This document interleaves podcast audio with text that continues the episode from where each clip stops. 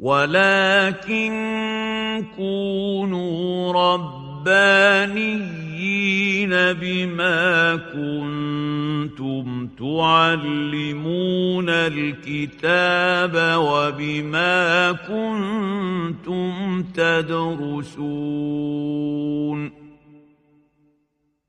طيب آه، نبدأ بسم الله والحمد لله والصلاة والسلام على سيدنا رسول الله صلى الله عليه وعلى آله وصحبه ومن والاه وبعد يعني النهاردة الحقيقة إحنا محظوظين بهذا اليوم ال- الاستثنائي والمميز في المدرسة وأيضا في ال- في المجالس. فأستاذتنا يعني استجابت لدعوتنا وشرفتنا بال- بالحضور في هذه المحاضرة. وهذه الاستجابة يعني نعتز بها ده أنا اللي اعتز. أستاذتنا أول مرة تشر... آه، مش عارف أول مرة ولا حضرتك شرفتينا مرة قبل كده. لا شرفتوش. لكن على الأقل هي أول مرة معانا يعني في مجالس التكوين. آه، أستاذتنا طبعا يعني غنية عن التعريف. فهي الأستاذة الكبيرة أستاذة العلاقات الدولية في كلية الاقتصاد والعلوم السياسية ورئيس قسم العلاقات الدولية بنفس الكلية يعني سابقا. ولها ال- الكثير من الأبحاث والدراسات المنشورة آه، في مجال الفكر الإسلامي والمنظور الحضاري الإسلامي والعلاقات الدولية من منظور إسلامي آه، ولها كتاب بهذا العنوان العلاقات الدولية في التاريخ ال- الإسلامي والعلاقات الدولية أيضا آه، من منظور إسلامي. فضلا عن عشرات الأبحاث والدراسات المنشورة وأذكر أيضا كتاب الديمقراطية العالمية وكتاب ال- الثورة المصرية والتغيير الحضاري آه، الذي صدر في إطار سلسلة الوعي الحضاري. وأستاذتنا تدير يعني واحد من أهم المراكز البحثية المميزة التي يعني قدمت آه، إضافة آه، في آه، المجال ال- البحثي آه، سواء في العلوم الاجتماعية أو العلوم السياسية أو ال- المنظور الحضاري الإسلامي في العلوم الاجتماعية والإنسانية بشكل عام وهو مركز الحضارة للدراسات آه، والأبحاث. ذلك المركز الذي أدارته أستاذتنا آه، باقتدار والذي يعني احتضن الكثير والكثير آه، من الباحثين والباحثات احتضناهم بالتوعيه واحتضناهم بالإرشاد واحتضناهم بالتدريب آه، المتميز. آه، وكان سببا في آه، يحقق كثير منهم وأنا واحد يعني من هؤلاء الباحثين الذين كان لهذا المركز والاستاذتنا فضل يعني في نقلهم نقلة فكرية نوعية يعني مثلت تغييرا كبيرا. في مسيرتهم ال- ال- العلمية وال- والفكرية. ذلك المركز الذي يعني تديره أستاذتنا باقتدار. ويعني كان لأستاذتنا جهود كبيرة في بناء المنظور الحضاري العلمي المقارن في العلوم الاجتماعية بعامة وفي العلاقات الدولية بخاصة. ويعني مهما تكلمنا في التعريف بأستاذتنا يعني لن نوفيها حقها. آه، إن شاء الله عنوان المحاضرة سوف يدور حول محور أنا أعتقد أنه يعني يهمنا وهو محور إدارة التعددية والتنوع. آه، كثير منا يسأل يعني نحن أمام آراء آه، متنوعة أمام تيارات متنوعة. آه، نريد أن نعرف يعني كيف نستفيد منها. هل ما نراه هو حالة من التضارب؟ هل ما نراه هو حالة من التناقض؟ أم إنها حالة من التنوع وأن الواجب علينا أن أن نعرف كيفية ال- ال- الإفادة من ذلك يعني. فمسألة إدارة التعددية وإدارة ال- التنوع سواء في المجال الفكري أو بشكل عام أنا أعتقد أنها من الأمور المهمة جدا آه، يعني لنا آه، ولحضراتكم. ونكرر الشكر لأس- لأستاذتنا على إجابة هذه الدعوة وأيضا الشكر موصول لحضراتكم. على تشريفنا بالحضور دائما في هذه المجالس ولا أريد أن أستطرد أكثر من ذلك حتى لا أطغى على وقت المحاضرة فنحن نريد أن نستفيد من أستاذتنا لأطول وقت ممكن اغتناما لهذه الفرصة الثمينة فجزاها الله خيرا ونفسح لها المجال لكي تبدأ المحاضرة إن شاء الله. تفضل يا أستاذ. بسم الله الرحمن الرحيم. السلام عليكم ورحمة الله وبركاته. الحقيقة بشكر الدكتور هاني إنه آه، اداني الفرصة دي. أنا بقالي فترة كبيرة ما طلعتش آه، خارج بيتي يعني مش بيتي يعني بيتي اللي أنا ساكنة فيه خارج بيتي اللي هو مركز ال- الحضارة اللي هو بيتي الثاني وبيتي الأولاني كلية الاقتصاد والعلوم السياسية. مش قصدي يعني ما خرجتش آه، الشارع يعني قصدي ما خرجتش لمحاضرات آه، عامة في خارج هذين البيتين. فلما الدكتور لأسباب كثيرة يعني. فالدكتور هاني لما قال لي آه، ودكتور مدحت طبعا أنا متابعة آه، النشاط بتاع الشيخ العمود آه، على مستويات مختلفة عن بعد. فينا زي الاستشعار عن بعد. وفي نفس الوقت متابعة ال- ال- المبادرة الطيبة اللي أسسها وبدأها الدكتور هاني اللي هي مجالس التكوين كلمة موحية جدا أو عنوان موحي جدا مجالس التكوين. إحنا كنا ساعات نقول التأسيس. فأكيد في فرق ما بين التأسيس والتكوين والبناء والنمو والنضج ها والصعود و مراتب مراتب كده إيه متعددة. في في في بيان إن في حاجة بتت بتت بتتبني و ونأمل أن إيه؟ آه، تكتمل إن شاء الله. فالحقيقة لما طلب مني إن أنا آجي وقال لي اختاري موضوع. اختار إيه؟ قلت له طب يعني إيه؟ موضوع إيه؟ يعني لي حضرتك اختاري الموضوع اللي أنت عايزاه. الحقيقة أنا حطيت عنوان كبير قد كده بتاع ثلاث أربع أسطر عشان يعني ألخص فيه اللي أنا عايزة أقوله. ودكتور هاني ودكتور مدحت آه، لخصوه في كلمة إدارة التعدد والتنوع.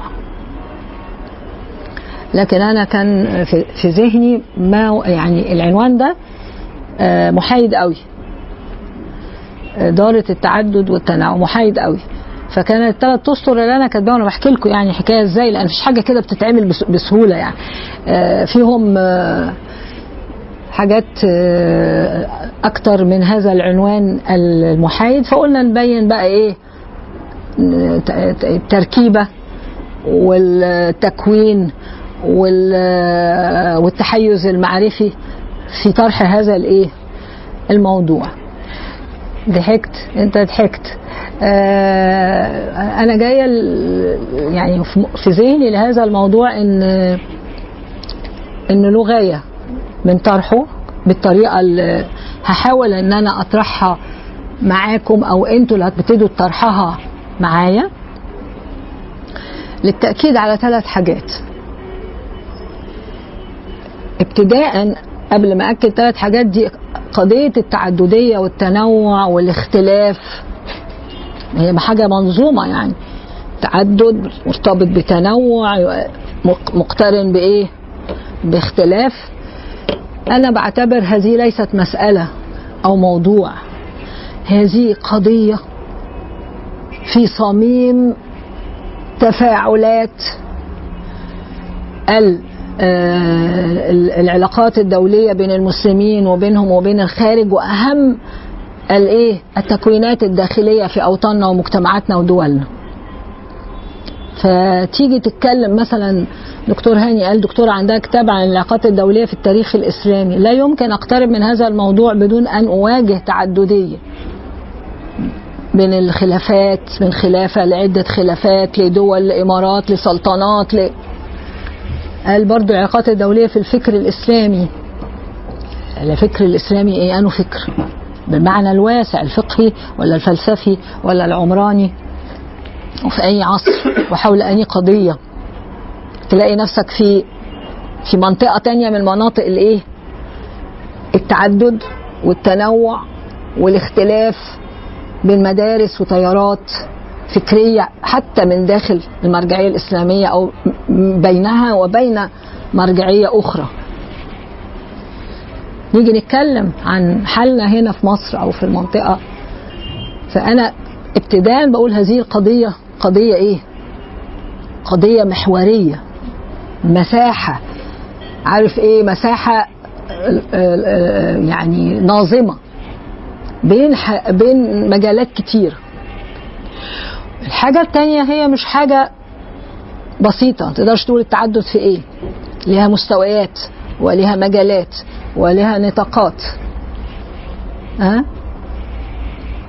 ال- النقطة التانية اللي أنا قلت في ثلاث نقط إن أنا بقول عليها لا يمكن أن أفهم أي قضية حطوا أي حاجة من غير ما أحط إيدي على فقه واقعها. عشان إحنا بنتكلم على مجالس التكوين وأنا يهمني التكوين المعرفي والفكري والمنهجي. اللي يساعدك إنك تقترب من أي موضوع. يعني أنا مش جاي أدي معلومات وأحداث ووقائع. يعني بنحاول نتكلم في فمفيش أي حاجة تقدر لما إيه تتكلم تقولي فقه واقع. تحسن فقه واقعها واقعها الراهن أو الإيه؟ التاريخي. ها؟ الحاجة الثانية إنك تشوف إيه القواعد الحاكمة لها فكريا فلسفيا.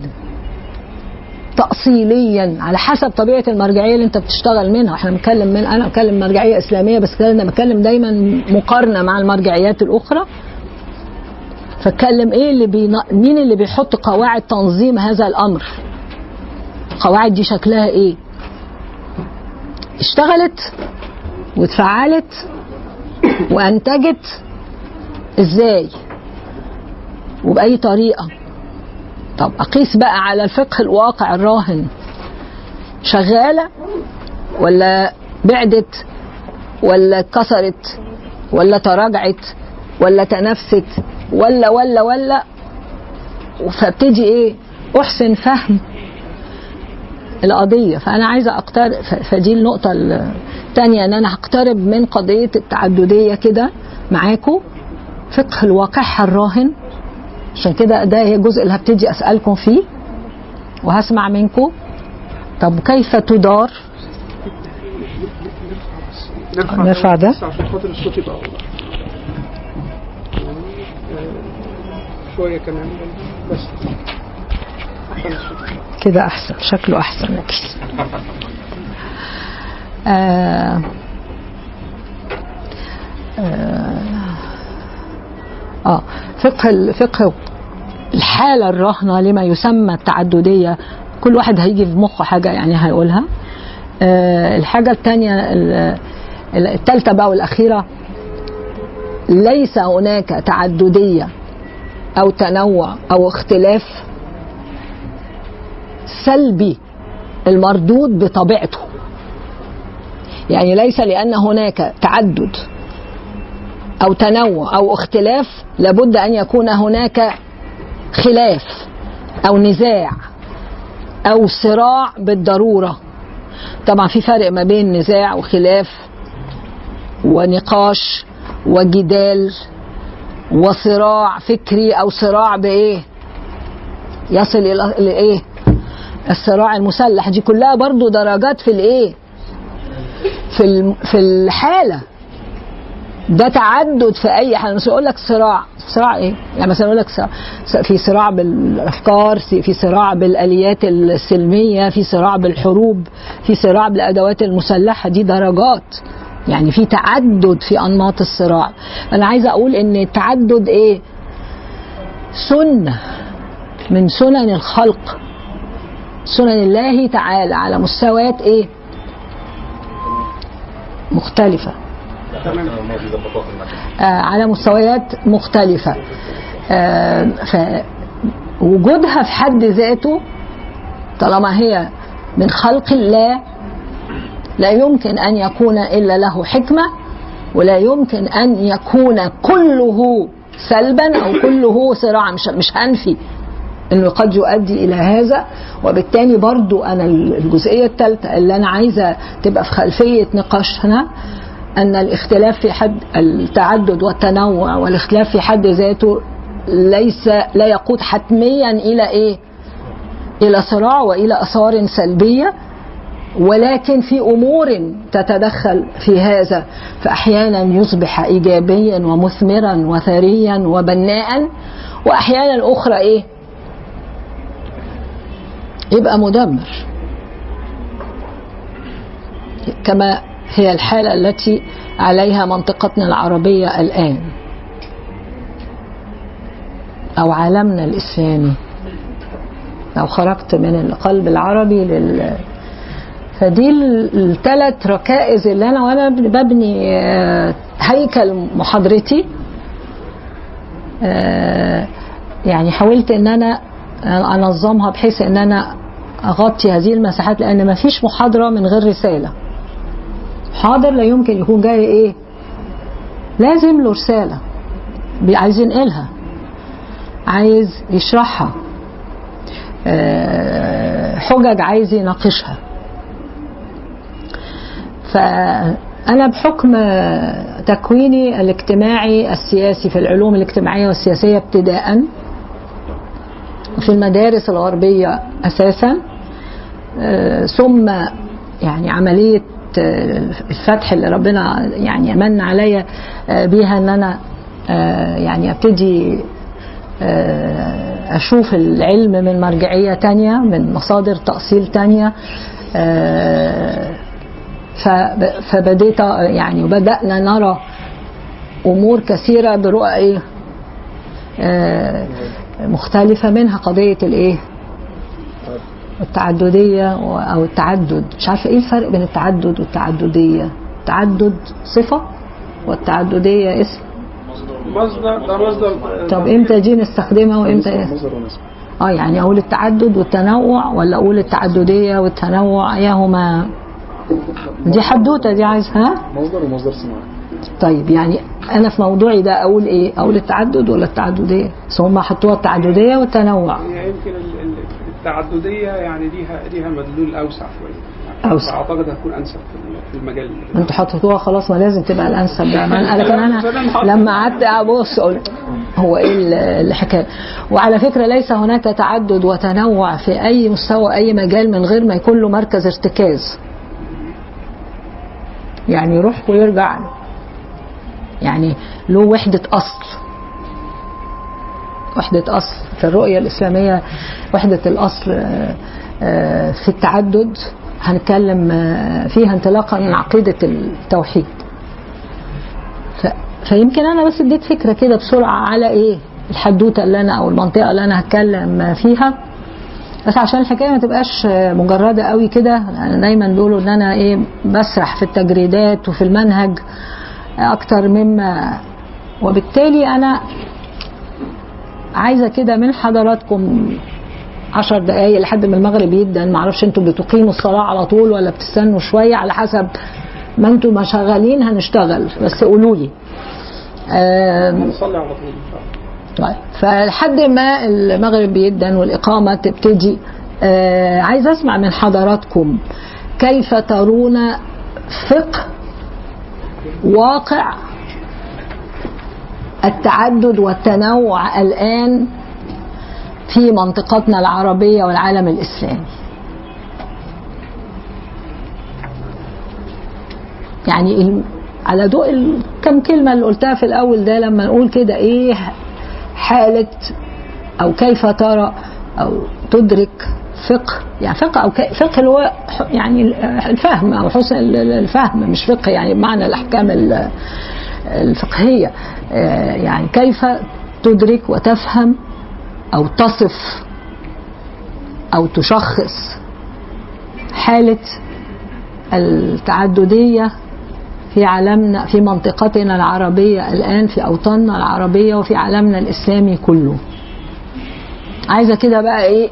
أحداث وقائع. مؤتمر سمعت عنه خناقة سمعت عنها وقعة سمعت عنها. اللي اللي يجي في ذهن كل واحد فيكم يقولها. عشان عايزين نسمع أكبر عدد ممكن واسمعوا بعض. عشان أنا سؤالي هل هقول هنصنفهم إزاي؟ لأن عشان نوصل لأن إحنا نعرف يعني إيه آه، مستويات ومجالات ونطاقات التعددية اللي إحنا بنتكلم عليها ما المقصود بها؟ وحالاتها الإيجابية والإيه؟ وال وال والسلبية. اتفضل. هو كل واحد بقى يعرفني بنفسه لأن أنا طبعا دكتور هاني كرمني إنه عرف عرفني بي عرفني أنا لكم آه لكن آه أنا ما أعرفكوش كلكم. اسمه المجال الدراسي. آه ف... نعم؟ أحمد إسماعيل طب الأزهر. طب. اما نشوف بقى نسبة الطب والهندسة للباقي. وال- والحاسب الآلي والكلام ده. ابتداء عندكم نسبة قد إيه؟ عالية ولا؟ عالية. طيب شوف هذا توقع. عن نمط التعدد الإيه؟ الاختصاصي التخصص أو التنوع. هتفضل يا محمد. قلت أحمد. هو في رد فعل الافراد والجماعات حاليا في موضوع التعددية والتنوع هو حاصل فيه رأي صواب يحتمل الصواب. لا رأي صواب مؤكد أنه صواب. ورأي خطأ ورأي غير خطأ لا يحتمل الصواب. فأصبح عندنا خلاف خلاف هو الأساس عندنا إن هو إحنا في فقه الخلاف مش في فقه الاختلاف. يعني هنا انت يا احمد آه، انت ما ذكرتليش نموذج ما ذكرتليش مثال انت بتتكلم على درجة ال ال ال ال الناتج عن التعدد والتنوع انه زاد حدة لدرجة اننا لا نتكلم عن اختلاف ولكن خلاف. فهو هنا بيقيم الحالة مش بيدي أمثلة أو نماذج عنها. هو بيعتبر إن إحنا يعني دي معناه إن وأنا بعتبر إن الموضوع أكتر من مجرد إيه؟ اختلاف. الكلام ده مثلا كان من عشر سنين. لو كلمنا على مصر أو على أي دولة عربية إحنا دلوقتي فيما هو أكبر من الاختلاف آه، الخلاف قصدي الفكري والسياسي نحن في حالة اقتتال. الاستبداد دي الحالات دي الأسباب. لكن التجليات توصيف الحالة. تجليات وتوصيف الحالة ما هو أكثر من مجرد الله أعظم والعزة لله ال- ال- ال- الخ- الخلاف إلى الاقتتال. طيب مين تاني يديني شفتوا ده ده مستوى من التحليل. ها؟ تقييم الحالة. أنا عايزة رصد نماذج أحداث. اتفضل.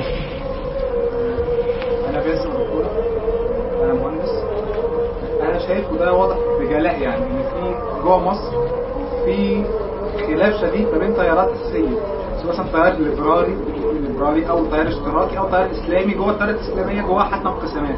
أيوه. فدي كلها في بقى طيف بقى من الخلاف ما بين مثلا أبناء الصف الإسلامي لاختلاف كبير أو أو تضاد ما بين مثلا صفوف إسلامية علمانية أو اقتتال بقى ما بين كل الصفوف ديت والصف الحاكم يعني. السلطوي فوق. يبقى انت هنا حطيت إيدك حط إيدك على حالة في مستوى معين في الداخل في وطن محدد في دولة محددة في نظام محدد ما بين إيه؟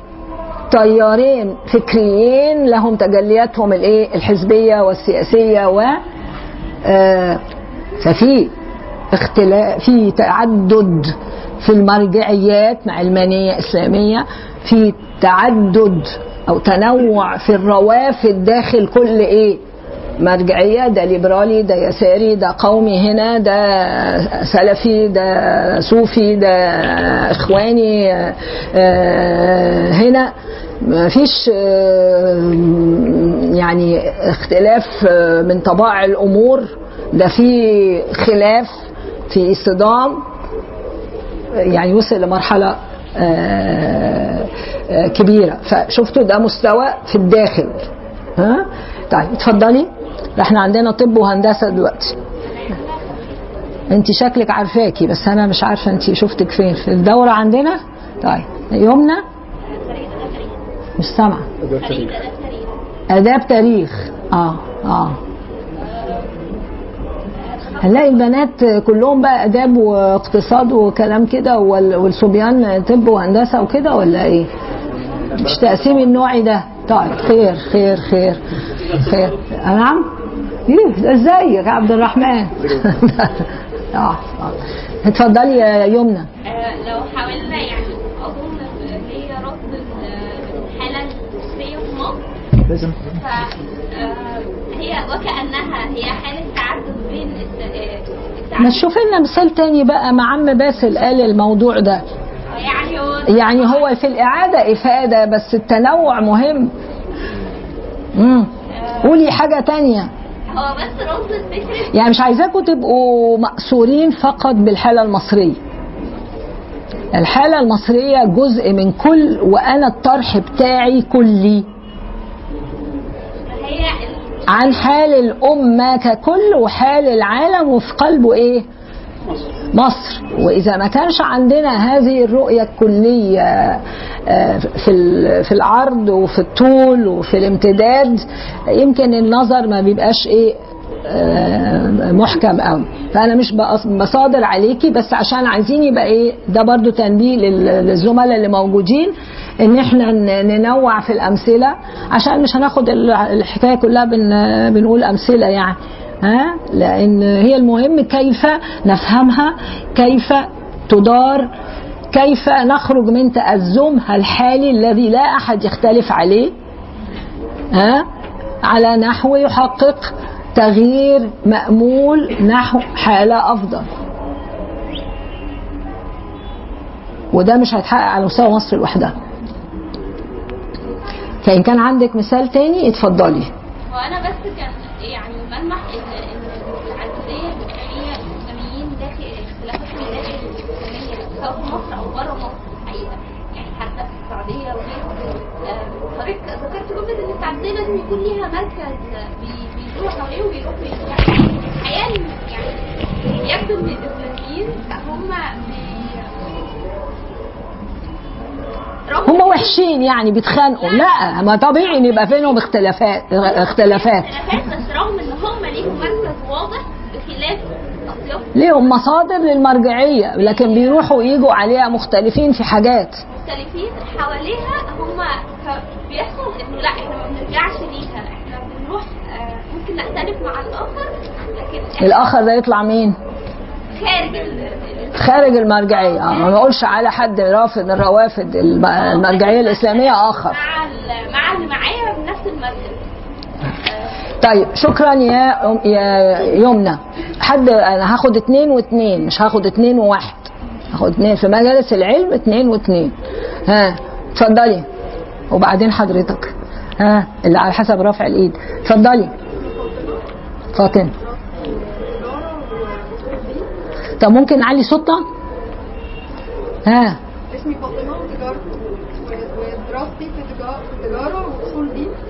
آه، أنا شايفة إن في مثال كده هو بقاله فترة يعني شاغلني صراع بين الناس اللي سنها كبير والشباب الصغيرين. دي من أكتر ومش جوه العالم الإسلامي ومش جوه مصر ده على كل الدنيا. يعني حالة النزاع الشديدة الشرسة اللي حاصلة دي بشكل استماتة الكبار بشكل كبير والشباب الصغيرة حالة اليأس الفظيع إن هم مع إن المفروض يبقى العكس مش عارفة ده ليه يعني أو هي الدنيا كده أصلا وإحنا اللي لسه مظلومين دلوقتي ولا لأ الوضع هو اللي فيه حاجة مش مظبوطة فالأجواء العامة عاملة كده مش عارفة آه أنت دخلتي في ما يسمى فجوة الأجيال. كيف نحول التنازع الجيلي إلى تواصل آه. جيلي. الاختلاف الأجيال ربنا بيقول علينا ولد اتولدنا وكبرنا وبعدين هنموت في أجيال. ده أمر أمر طبيعي. لكن هل كيف لا يصبح هناك فجوة ولا يصبح هناك صراع؟ ولماذا أضحى هناك فجوة وأضحى هناك صراع؟ وشكلها إيه ودرجاتها آه إيه سواء في مجتمعاتنا أو في مجتمعات إيه؟ غربية. إيه محورها؟ فهنا بنتقلنا شوفوا من السياسة للإيه؟ من السياسة والحركات ال- إلى ده مستوى مستوى تا- تا- تاني مهم وهو ده اللي بيكمن فيه يعني انت يعني أنا بشكرك يا فاطمة على هذه ال- ال- الملاحظة اللي بيكمن في مناط كلامنا بعد كده عن كيف يمكن إحداث التغيير. ابتداء من الت- ال- ال- ال- التربية وعلى المستوى والتمكين ال- المجتمعي والتغيير ال- المجتمعي بالتدريج حتى يبقى في هناك فهم أفضل للتعدديه لأن التعددية سلبا أو ايجابا مش حكاية لعبة حاكم ومحكوم.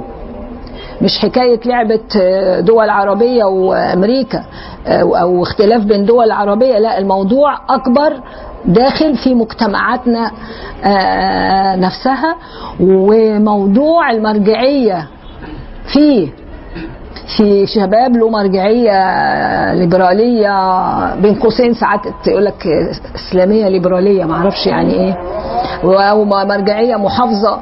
ف... ف... ف... فدي نقطة مهمة قوي في التأسيس المجتمعي لو هتقيموا الصلاة دلوقتي نقف. ولا إيه؟ طيب طيب. آم، آم، حضرتك رفعت إيدك. شكرا. آه، لا اللي رفع إيده الأول أنت آه. وبعدين حضرتك اتفضل. مهندس. آه.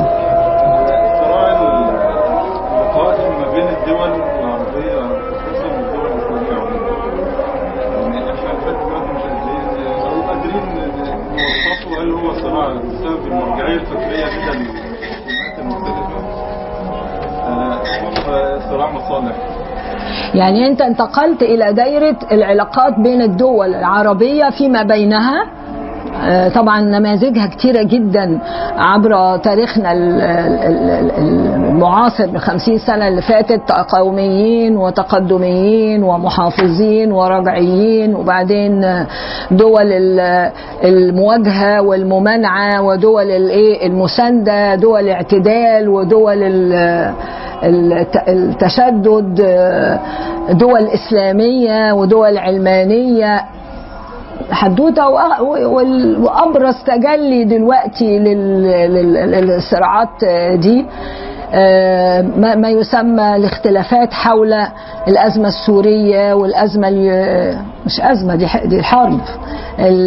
يعني كلمة أزمة دي شيك كده شوية. لا هي الحرب في سوريا والحرب في في اليمن والحرب في ليبيا والوضع آه، في مصر وحصار ما يسمى حصار أو مقاطعة آه، قطر.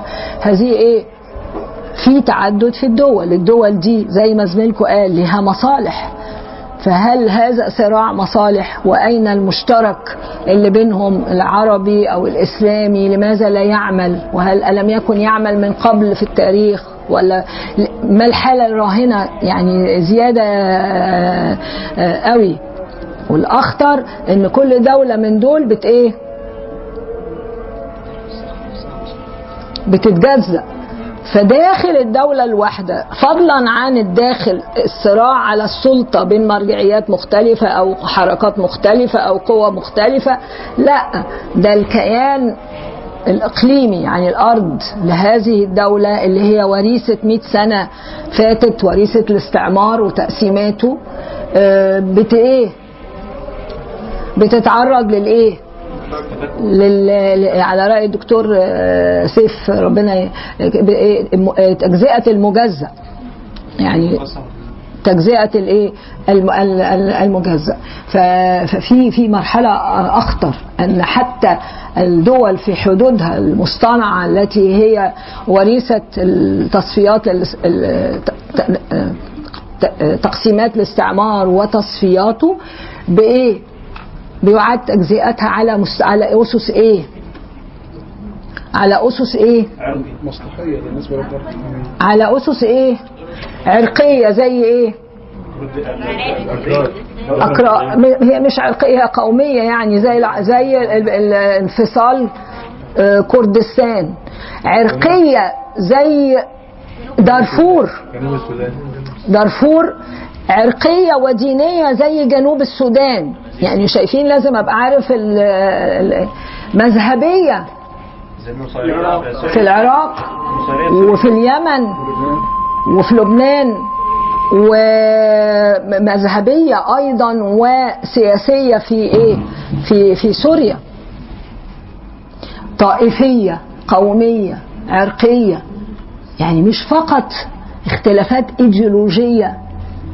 مصلحيه زي كتالونيا ولا اختلافات في المصالح.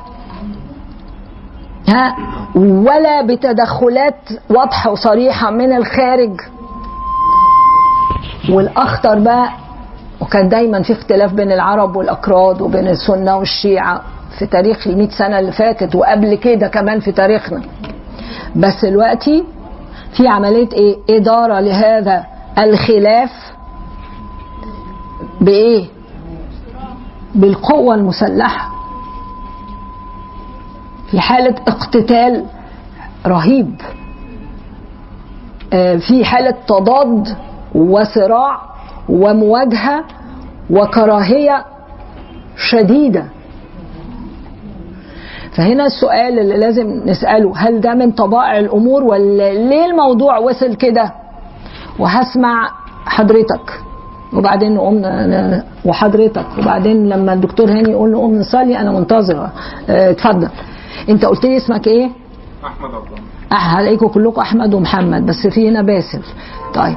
آه باسم؟ آه. مش باسل؟ باسم باسم. دكتور عايز تخليه باسل خليه باسل مش مشكلة. أصل باسل باسل. باسم؟ ما ممكن تبقى باسل وباسم. باسل دي مع التعددية ها؟ باسل مع التعددية. لكن باسل مع الاقتتال بقى. ما هي الاقتتال تعددي برضو بس هو شكل التعدد بيدار إزاي بالقتال.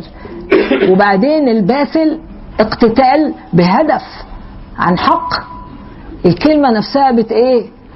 مش مش اقتتال عن غير حق. شوفوا كل دي إيه؟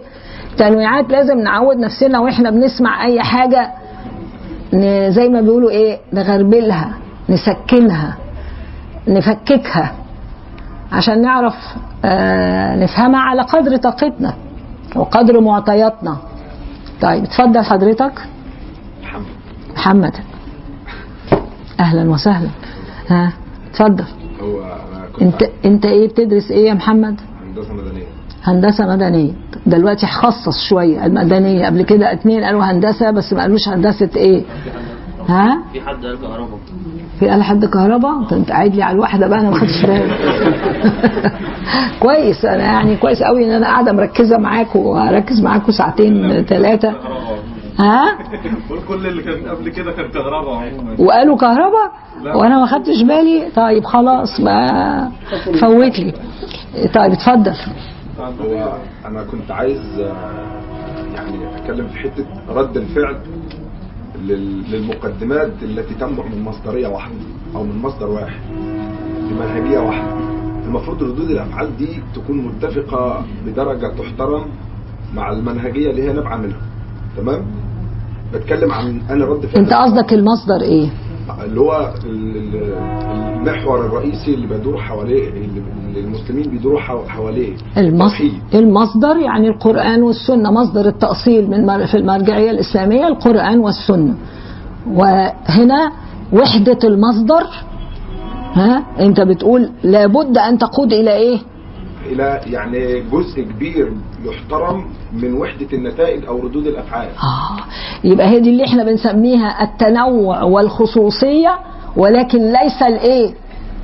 التنميط أو الأحادية. تمام. فرق كبير جدا ودي دي كده ال- ال- ال- التلمس يا إما هنبقى كلنا أسطمبة واحدة ويبقى ما فيش اجتهاد من المصدر الواحد عبر الزمان والمكان ولا ولا في تجديد ولا في الخريطة بتاعه ال- ال- ال- المذاهب الإسلامية الأربعة أو الستة زي ما بي- بي- بيحطوها. فوحدة المصدر للتأصيل من مرجعية إسلامية ها هي هي الثابت ولكن ينبثق عنها تنوع وتعدد ها أو هي تجير تعدد وتنوع وفق السنن ووفق الاجتهادات. لكن الأهم إن أنت بتقول إيه لازم يبقى فيه إيه؟ قدر يعني. قدر من التناغم التوازن القواسم المشتركة التي تجعل التعدد ثريا ثراء مصدرا لإيه؟ للثراء وليس آه، مصدرا للشقاق أو زي ما الدكتور آه، آه، سيف بيسميها مصدر للثنائيات النكدة. فأقوام عشان كده هبتدي الجزء اللي أنا هبتدي إزاي نشوف التأصيل وفق الرؤية القرآنية لقضية الإيه؟ التعدد والتنوع. الأصل فيها إيه؟ لكن بقى لما تيجي الممارسات قربا أو بعدا عن هذا ال- الأصل إدت إيه على مدى التاريخ؟ إيه الإيجابي والسلبي آه، أول حاجة شايفها برضو من زمان يعني من بعد مثلا سقوط الدولة الخلافة العثمانية فكرة ان إن المسلمين آه، شايفين إن الحاكم في, الاختلاف ما بينهم هو المصلحة الخاصة ال- القطريه تمام؟ بيبصوا له من إن ده عندك وأنا عندي. ما بيبصلوش على إنه تكافؤ. تمام؟ محمد نقلنا نقلة تانية. محمد نقلنا. شو خلوا بالكم. أحمد قال لنا حالة الإيه؟ القائم. اختلاف مش خلاف. ها وبعدين بعد اتكلم على مجالات من هذا الاختلاف في نطاق الوطن الواحد بين الحركات الإسلامية أو بين الحركات الإسلامية وغيرها. شايفين؟ ها؟ وبعدين محمد دلوقتي نقلنا نقلة آه، أحمد أنت قلت إيه؟ كنت بتتكلم في أو أنا برضو آه، محمد نقلنا نقلة تانية التاصيل ما هي الرؤية التأصيلية الإسلامية؟ ها؟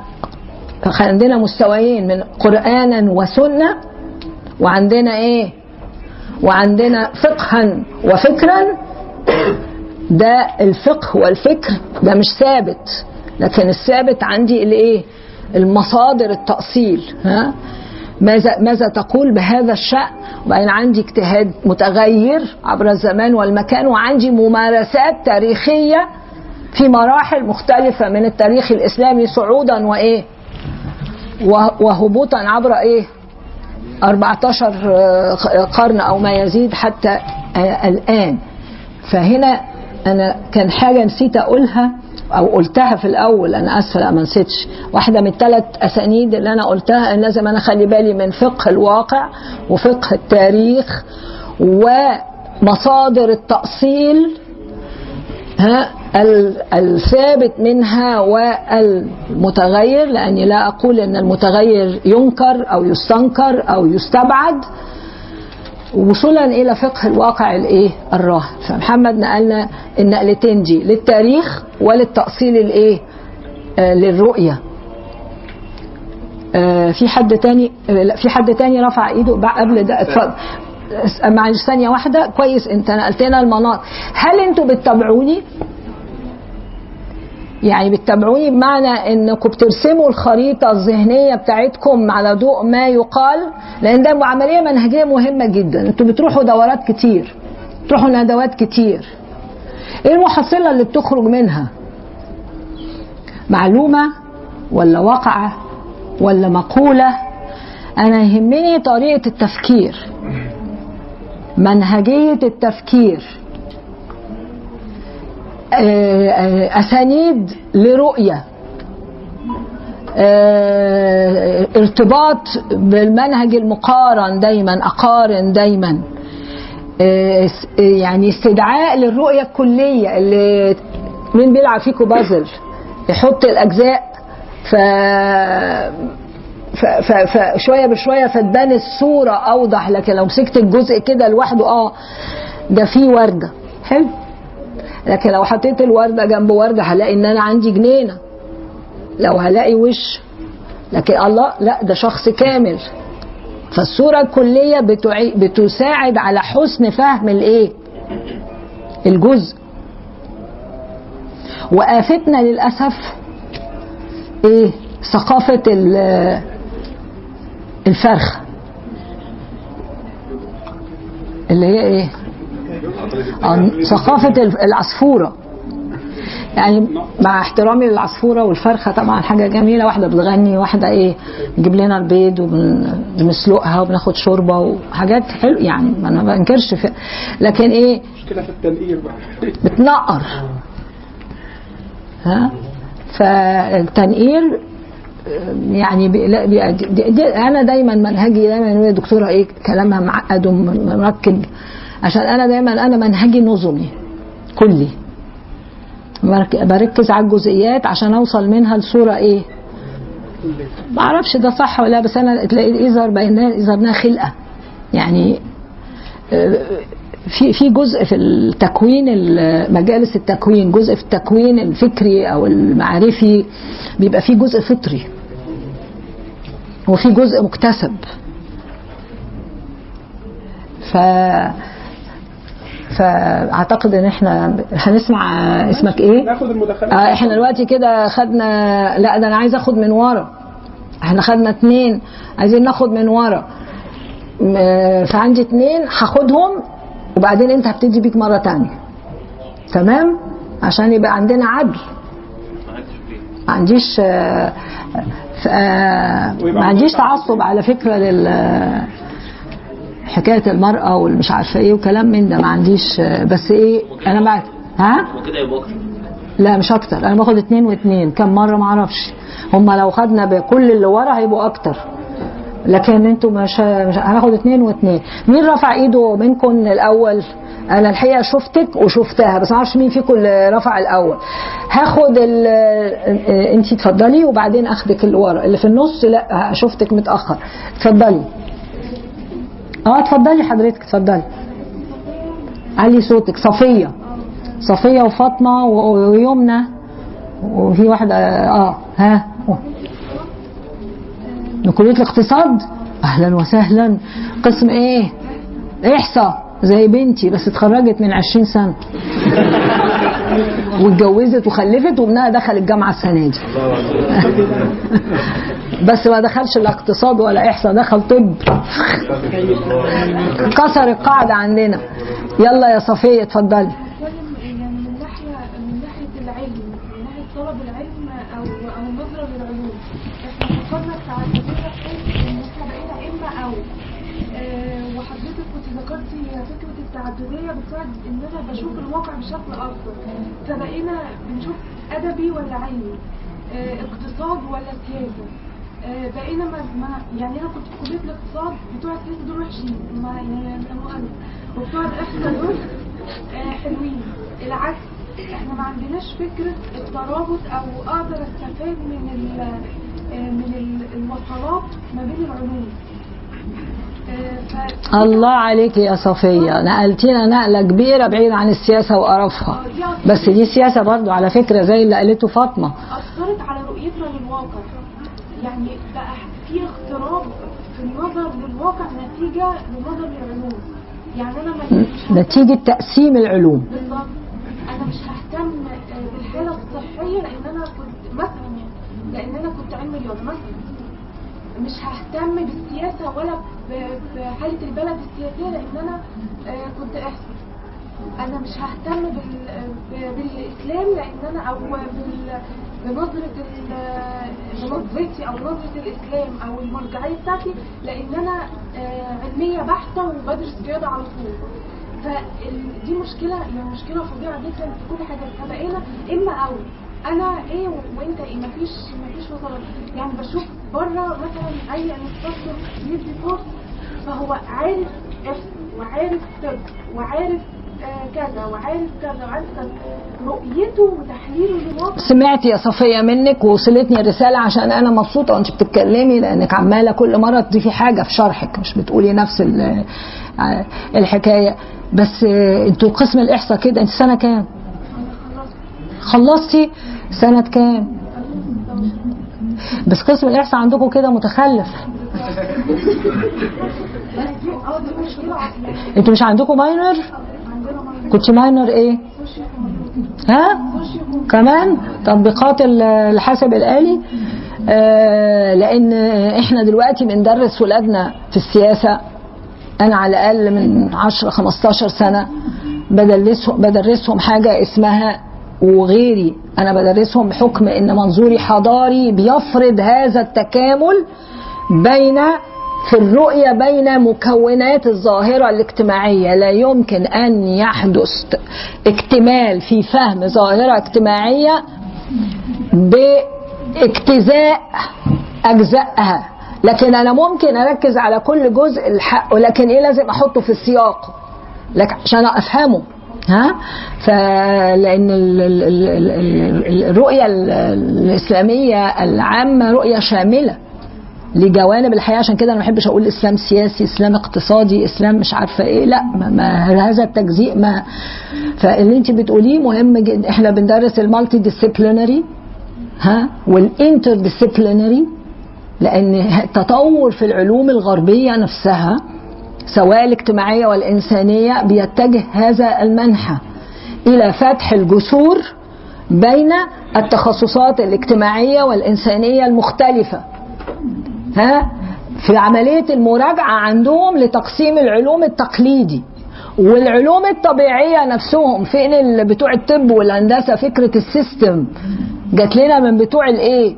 بتوع الطبيعة وطبقوها بتوع الطب إن ال- الحاجة بتكون system فلازم أبص دي الرؤية ال holistic الرؤية الكلية والانتقال من النسبية من قصدي من الحتمية إلى النسبية في العلوم الطبيعية. ولا أنتوا خدتوا إيه بتوع الطب والهندسة؟ أنا بعرف الكلام ده من جوزي الله يرحمه. فكان يقول لي أنتوا بتدرسوا إيه عندكم؟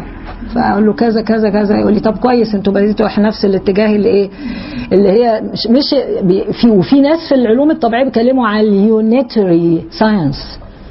يعني العلم الايه؟ الواحد. فدي نقطة مهمة جدا. في نقطة ففعلا دي دي التكام التكاملية بحيث في الاكتمال. في الاكتمال ال- في في مستوى تاني اللي انت وده تعدد. تعدد في مجال الايه؟ العلمي إنتاج العلوم والإيه؟ والمعرفة. في مستوى تاني اني وأنا بنتج علم عندي رؤية عندي رؤية للعالم عندي منظور بتأثر على إنتاجي للعلم.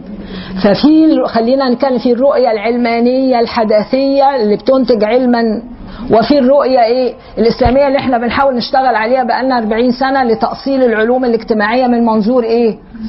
حضاري إسلامي.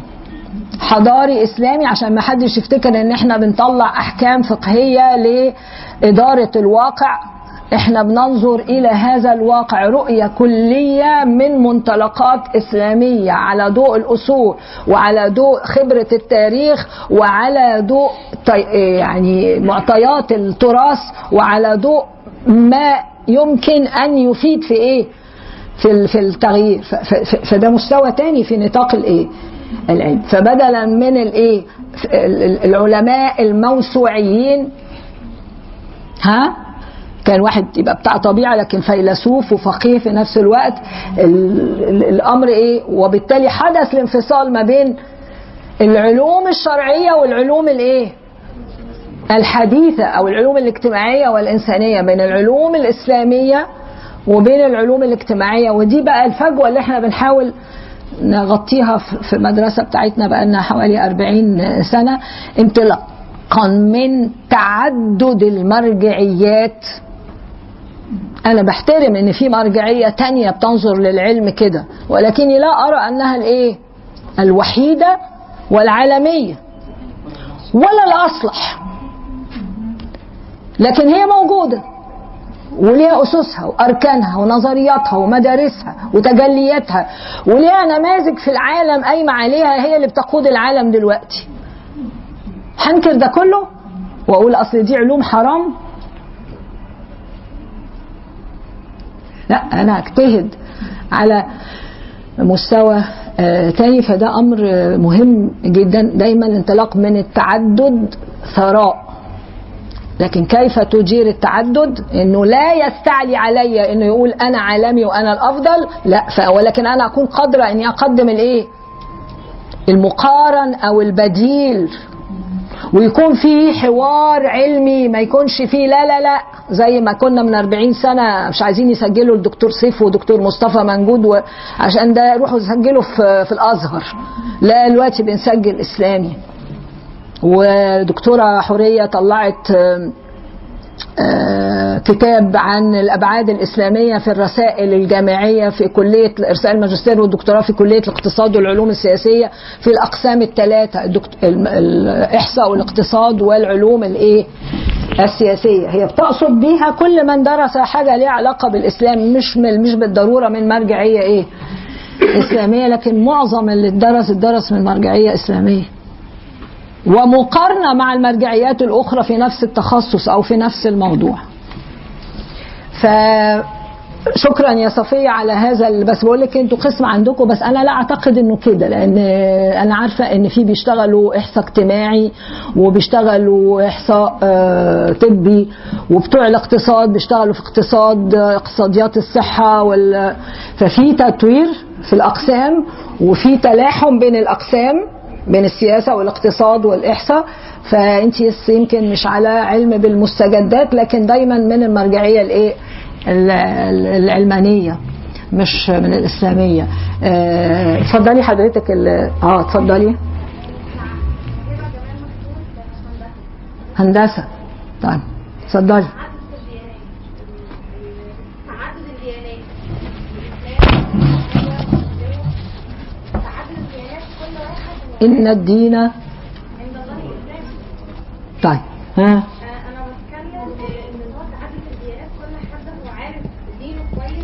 هو إيه مبادئ دينه بس ده بيرجع اللي فيها إحنا اتعلمنا مبادئ صح بعد كده بدأ يحصل إن كل حد يثبت من ديانه ثانية ان هو على صح أو الثاني على غلط يثبت إيه في العقيدة ولا في الحياة آه، يثبت ان ال- ان ان الديانه اللي هو الامن أنا دخلت كده بقى في حوار عقائد.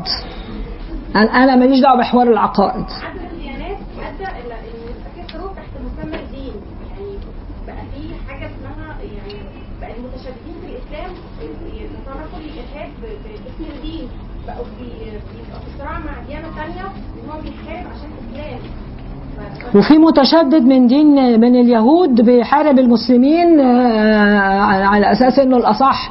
وفي متشدد من البوذي بيحارب المسلمين آه، ما بيتقالوش عليه إرهاب. وفي آه، متشدد من المسيحيين. فلما نتكلم ما نقولش بس المتشدد من الإيه؟ من الإسلام لأنهم حطوا لنا البطحه على رأسنا وإحنا صدقناها. فهمتي؟ آه.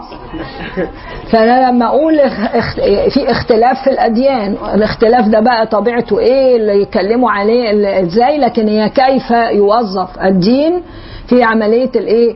الصراعات السياسية. وكلمة لما بقول بوظف بيبقى اللي عايز يستخدمه فعلا. لكن الدين أنا بتكلم هنا عن الإسلام. أنا ما أعرفش في المسيحية واليهوديه مرجع أو مصدر لمرجعية في الحياة بكل أبعادها. وعلى أنواع انواع إيه ودرجات متعددة متنوعة في جزء خاص بالعقيدة في جزء خاص بالعبادات والمعاملات في جزء خاص بتنظيم ال- ال- ال- ال- الحياة الاجتماعية والاقتصادية والسياسية في جزء خاص بالعلاقات بين الأمم والشعوب مش هقول العلاقات الدولية. بس في في في أمور إيه؟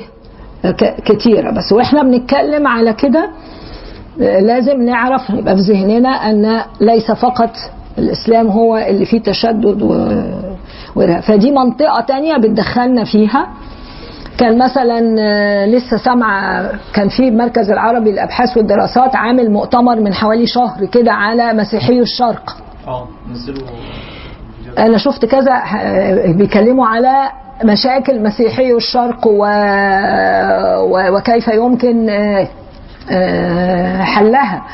وطبعا لما نشوف نلاقي ناس بتقول إن سبب المشاكل دي ال- ال- الحركات الإسلامية وفي ناس تانية تقول لك لا ده السلطات المستبده يعني فده يدخلنا في برضه مؤتمر في واشنطن كان منعقد من آه، في أوائل الشهر يمكن من أسبوع كده برضو كيفية الدفاع عن المسيحيين عملوا آه، يعني اساقفه ومن كل يعني بيتكلموا برضو إزاي ندافع عن ال- ال- ال- ال- ال- ال- المسيحيين فالتعدد ال- ده, ده هل صحيح وفي مصر حكاية المسيحي والمسلم ده سببه إيه؟ كيف يفهم بعض المسلمين عقيدتهم ودينهم على نحو يؤثر سلبا أو ايجابا على العلاقة مع إيه؟ مع العلاقه مع العلاقة مع ال- ال- المختلف دينيا والمختلف مذهبيا. بل بلاش المختلف في الرافض. يعني السلفي ما يحبش الإخواني والإخواني ما يحبش السلفي وبتاع ده وده ما يحبش ده وده إيه. يعني ف... فعندنا عندنا مشكلة عندنا أزمة في هذا الإيه الم- الموضوع. أنا أعتقد ان لازم أقول لك إن إحنا نقوم نصلي آه، لأن آه، أنا كده خدت هسمع حضرتك بعد ال... ولا اسمعه الأول. أصل لو سمعتك لازم أسمع واحد تاني. خلينا نبتدي بيكم بعد الصلاة لأن إحنا اتأخرنا قوي والعشاء الوقت بتبدأ بدري آه، قوي يعني. السلام عليكم. إحنا خدنا وقت كتير في الأمثلة تقريبا ساعة إلا ربع. آه، حضرتك هناخد آخر مجموعة من ال- التعليقات؟ آخر واحد عشان بس آه لا الوقت لا الوقت. أنا ال- الشباب متشوقين بقى إن حضرتك اسم أنا أقعد أقر أنا؟ أقر أنا عندي قر كتير بس أنا عايزاهم هم يعني اتفضل. هو دكتور أنا عندي يعني. اسمك؟ اسمي؟ يحيى. يحيى. وخطوط طب. آه، ولا عنده نقطتين النقطه الأولانية واضح إن ازمه جزء كبير من فهم أزمة التعدد. لما بيتحول لازمه يعني إحنا عندنا مشكلة كبيرة خالص في فهم أو في مساحة الثابت والمتغير في في في في في مساحة الثابت عنده بتتضخم بشكل كبير جدا. فبيوالي ويعادي على أساس حاجات يعني مش من أصول الدين ويمكن من فروع الفروع كمان مش من الفروع الكبيرة يعني.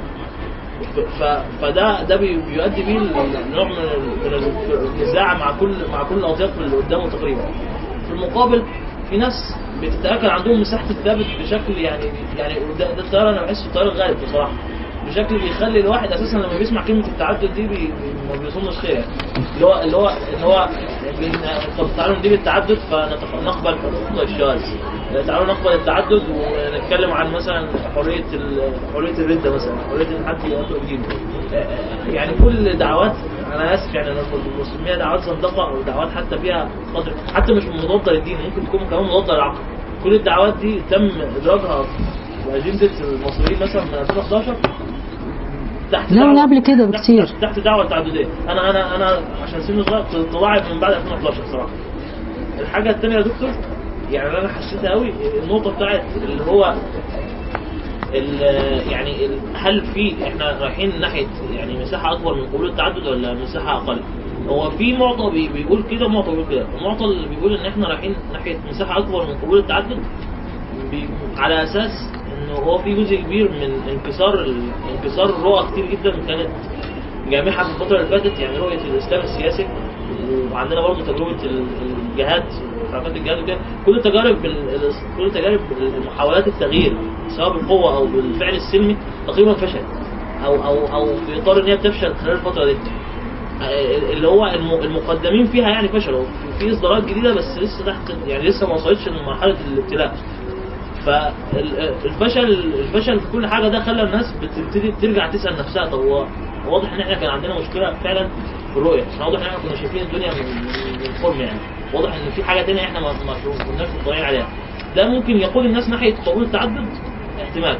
في المقابل في جزء كبير من سبب النزاع اللي حاصل والناس اللي هو الناس مش مستحملة الكلمة تقريبا وحد بيشرب سيوفه على طول فك- فكرة الضغط الضغط الضغط بسبب الاستبداد. أنا بحس إن يعني الاستبداد طبعا مش في مصر بس هو الاستبداد دلوقتي يعني في المنطقة كلها إن إن هو الناس نازلين يتضغطوا كده ويتضربوا عشان ينزلوا تحت الأرض ينزلوا تحت الأرض ينزلوا تحت.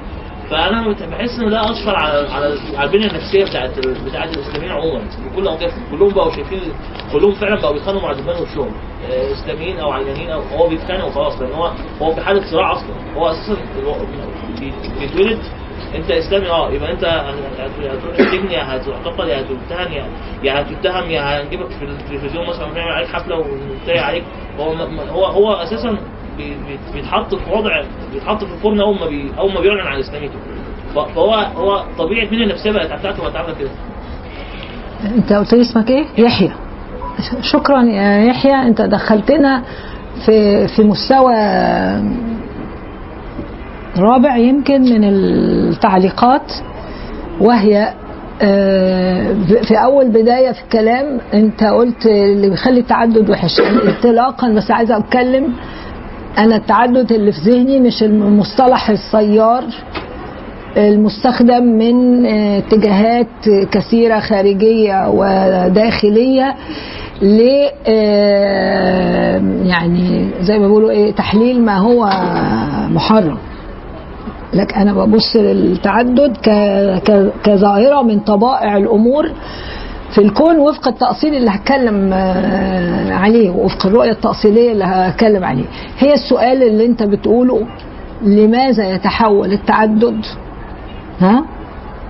يعني ده مع ده معناه. وكيف يتحول إلى إيه؟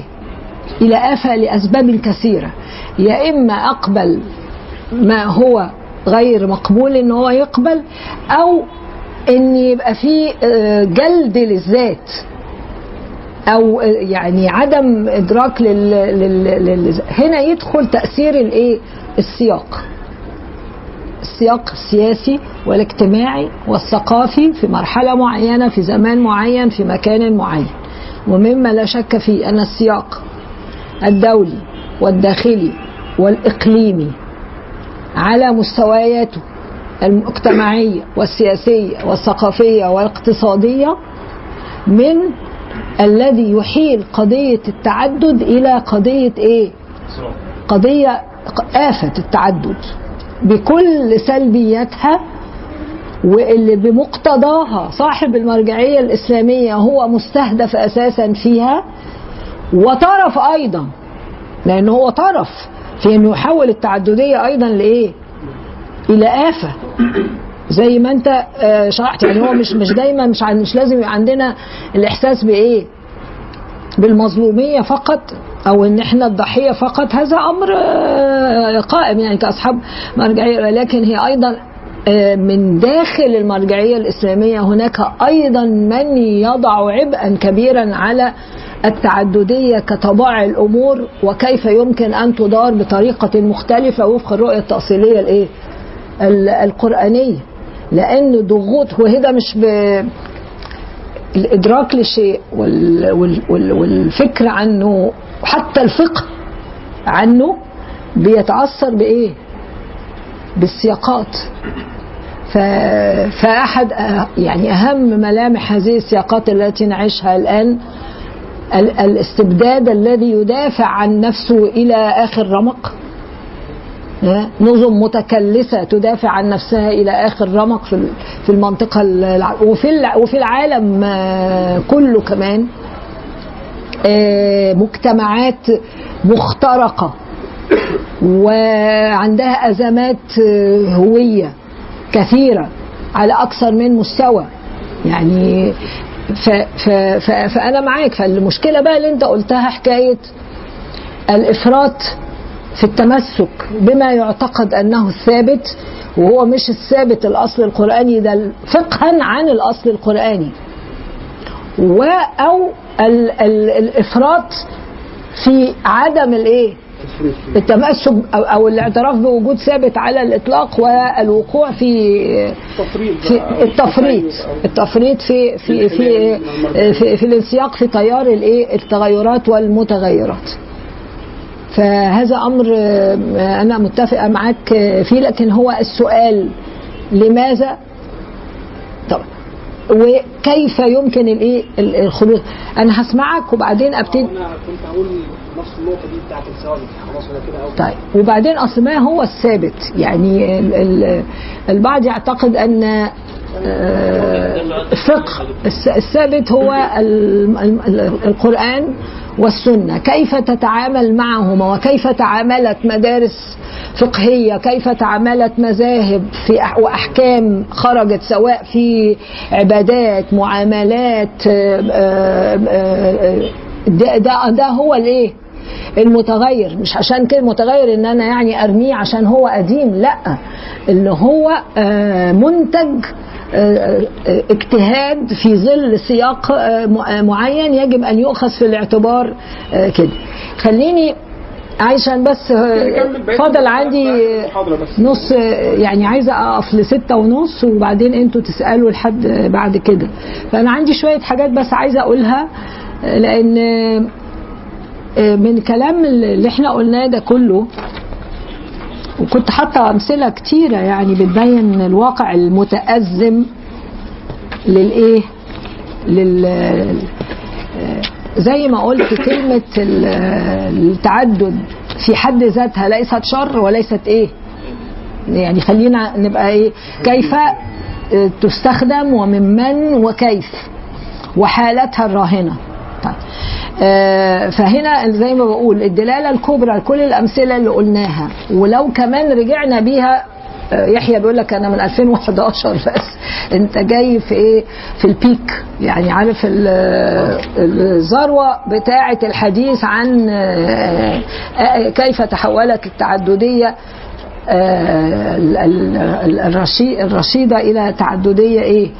آه، مذمومة. آه، لأنها لها مسار تاريخي. إحنا فأنت بتقول من 2011 لا ده أنا ممكن أرجع ل 2001 وبعدين أرجع ل 1000 إيه؟ ل 91 وممكن أرجع ل- للثمانينات وبعدين ممكن أرجع لايه ل آم، آم، يعني ما بعد الحرب العالمية وممكن أرجع. يعني ممكن أفضل أتراجع في في المسار التاريخي لأن دي عملية تاريخية. عملية تاريخية.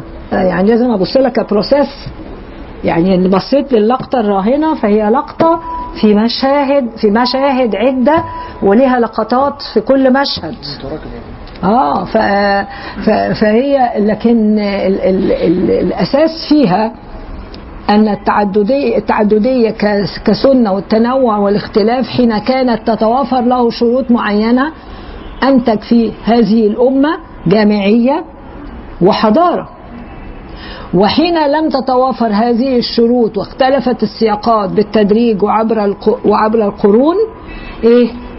تحولت إلى آفة في يدنا وبنا وبيد غيرنا. يعني عشان إيه. نبقى آه، آه، فاهمين. فإحنا في أزمة مستحكمة. وعلى فكرة مش عندنا في دولنا العربية والإسلامية فقط. في العالم كله في أوروبا في أزمة تعددية وأزمة ديمقراطية و... و... وفي... الولايات المتحدة ال- الأمريكية وفي أمريكا اللاتينية تاني وفي إفريقيا. العالم كله عنده أزمة آه، تعددية سياسية أو تعددية ثقافية أو تعددية اقتصادية أو اجتماعية واللي بيختلف طرق الإيه؟ الإدارة للأسف إحنا عندنا وصلنا لمرحلة الآن إن إحنا بنديرها اقتتالا بدرجات مختلفة من الاقتتال يمكن ال- ال- الحالة اللي بي- بيعايرونا بيها في مصر دي درجة برضو آه، بيعايرونا يعني كويس الحمد لله إن إحنا عندنا كده مش زي علان وفلان وتلتان ها؟ فدي درجات برضو يعني آم، المهم نعرف ليه, ليه هذا الاستحكام في هذه الأزمة. وكيف يمكن إدارتها لتغييرها؟ مش على مستوى مصر فقط وإقليميا وعالميا لأن الموضوع التداخل ما بين ال- الداخلي والإقليمي والعالمي بقى غير مسبوق من حيث درجته. يعني أز... الأزمة في في في مصر هي مش أزمة فريدة. يعني مثلا من 20 سنة ولا أكتر لما كان يقول لك إيه اجتياح اسمها إيه دي؟ العراق احتلال العراق للكويت. كانت هي بس. لما قامت قبليها ب 20 سنة الحرب الأهلية في لبنان. لما قامت بعديها بعشر سنين الحرب الأهلية في اليمن. بتكلم عن الدايرة العربية. لما قامت حرب 73 وبعدين جت اتفاقية السلام 77 وبعدين جت اتفاقيات مدريد من 91 وبعدين يعني آه، دلوقتي لا الدنيا كلها ولع. مرة واحدة. مش على الحرب العراقية الإيرانية وبعدين الحرب العراقية الكويتية وبعدين كانت الحرب في البلقان الحرب في الشيشان. كانت إيه؟ وكلها فيها قضية الإيه؟ التعددية الثقافية والسياسية العلاقة ما بين الحاكم والمحكوم العلاقة بين أصحاب المرجعية الإسلامية وغيرهم العلاقة داخل المرجعية الإسلامية الاقتصادي الغني والفقير الجيل الصغير والجيل الكبير المرأة والرجل المسلم والمسيحي الكردي وال... كله قايم مرة واحدة دلوقتي فهي أزمة إيه؟ مستحكمة من حيث الدرجة والداخلي بي- بيغذي الإقليمي والإقليمي بيغذي الداخلي والعالمي عالمي وراهم بطريقة آه، كبيرة آه، جدا. فمعرفش أنتوا شايفين الصورة دي؟ أصلك لما تشوف الصورة كويس تقوم تعرف أصل الحكاية. ها. فده اللي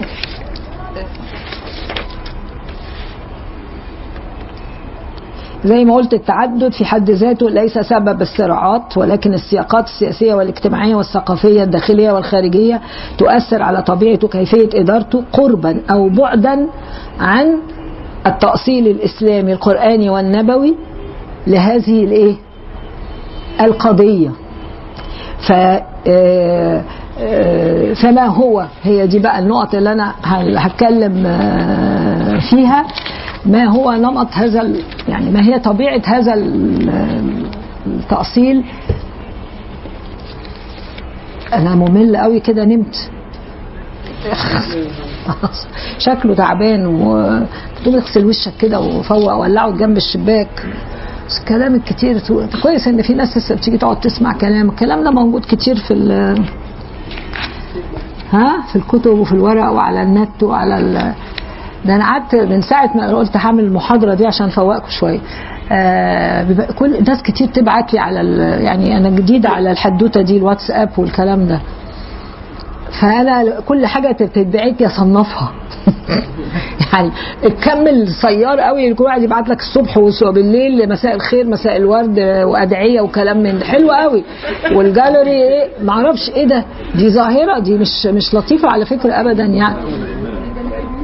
هي هي حلو إنك تقول تقول آه، أنا أقصى حاجة أقول إيه؟ صباح الفل مساء الخير. لكن آه، كل واحد يبعت لي بوكي ورد أو عيال بتضحك وأدعية قد كده. فلاقي مثلا عندي الصبح بتاع 20 واحدة. ده أنا يعني لسه جديده وبالليل نفس الحكاية 20 واحدة. حلوة يعني أنا بسعد إن الناس فاكراني. بس عارف بقت حاجة روتينية. هي أصلا بتتباع بشكل روتيني. بقت روتينية. فأنا لا أنا ما ببعتش إلا إيه؟ اللي فوانا من ساعة ما أقول له قلت النهارده كل ما يجي لي حاجة أقول إيه؟ الحاجات الكويسة يعني. دي تتحط في إيه؟ فأقول آه مثلا في حد بيتكلم على الإسلام والله آه لقيت آه، كذا محاضرة في الجامعات بره أساتذة بيتكلموا يقدموا الإسلام إزاي للناس؟ وبطريقة إيه؟ ممتازة مش جذابة. أنا ما يهمنيش جذابة ولا مملة. المحتوى بتاعها اللي بيقولوه. بس أنا عندي مثلا أربع خمس حاجات آه، كده. فمعناه إن من يقدم الإسلام بطريقة آه، موضوعية ليس بالضروري هو كل مسلم. ومن يفهم حقيقة العلاقة ما بين المسيحيين في الشرق والمسلمين حقيقتها كسياق سياسي بيوظفها وبيلعب بها مسلمون ومسيحيون. والعكس آه، اللي بي آه، عايز يولع يولعها نار. برضه مسلمون ومسيحيون ده له حجج وده له حجج. طب أنا أكون رؤيتي إزاي؟ آه، يعني نفس ال- ال- الشيء على ال- ال- ال- الغنى والفقر ومظاهر البذخ ال- الرهيبة الأيام دي ال- ال- الحاجات شغالة على آه، الريتز كارلتون اللي حابسين فيه الأمراء في السعودية كل شوية يبعتوا لكم صور له إيه ده؟ ده ربنا يوديهم فين الناس. أنا شفت زيه أحيانا بس مش قوي كده في المرة في الدوحة. يعني كلهم زي بعضهم مفيش حد أحسن من حد يعني. آه، يعني فحش الثراء والبذخ اللي أعتقد إنه يبقى مش مق... مش عايزه أقول حرام وحلال يعني عشان المنطقة دي صعبة إن أنا مش مقبول آه، آه، شرعا يعني في زمن اللي إحنا آه، فيه ده فهنقعد نقول الغنى والفقر وكيف تدار العلاقة بين الأغنياء وال والفقراء وما هي قواعدها وأصولها ليها قواعدها وأصولها. فيعني عايزه أقول آه، التأصيل التعدد آه، والتنوع آم، يقوم على النظر في الاجتماع البشري وخاصة الجمعية والجماعية كأسلوب حياة في الأمة وللأمة في ظل تنوع والتعدد الل- اللذين هما خصيصتان في هذه الأمة. يعني لما نعرف أن آه، أساس وجود المسلمين في عالم وجودهم على شكل أمة هذه الأمة هي في حد ذاتها متنوعة متعددة. فهذه خصيصة أساسية وهي وهما سنة من سنن الله تعالى. وبالتالي آه، بقدم رؤيتي للتعدد والتنوع بكل أنماطه وبكل مستوياته انطلاقا من المصدر القرآني الذي حدد هذه المستويات وببني الم- منظوري دي أو رؤيتي على الأصل وحدة المصدر قرآنا وسنة وعقيدة التوحيد نحو وحدة الرسالة والقبلة والغاية والمقصد من هذه الرسالة الموجهة للعالمين. ومع استدعاء الذاكرة التاريخية للتدبر نحو كيفية تفعيل هذا الأصل من قبل على نحو جعل من التعدد إيه؟ بكل مستوياته.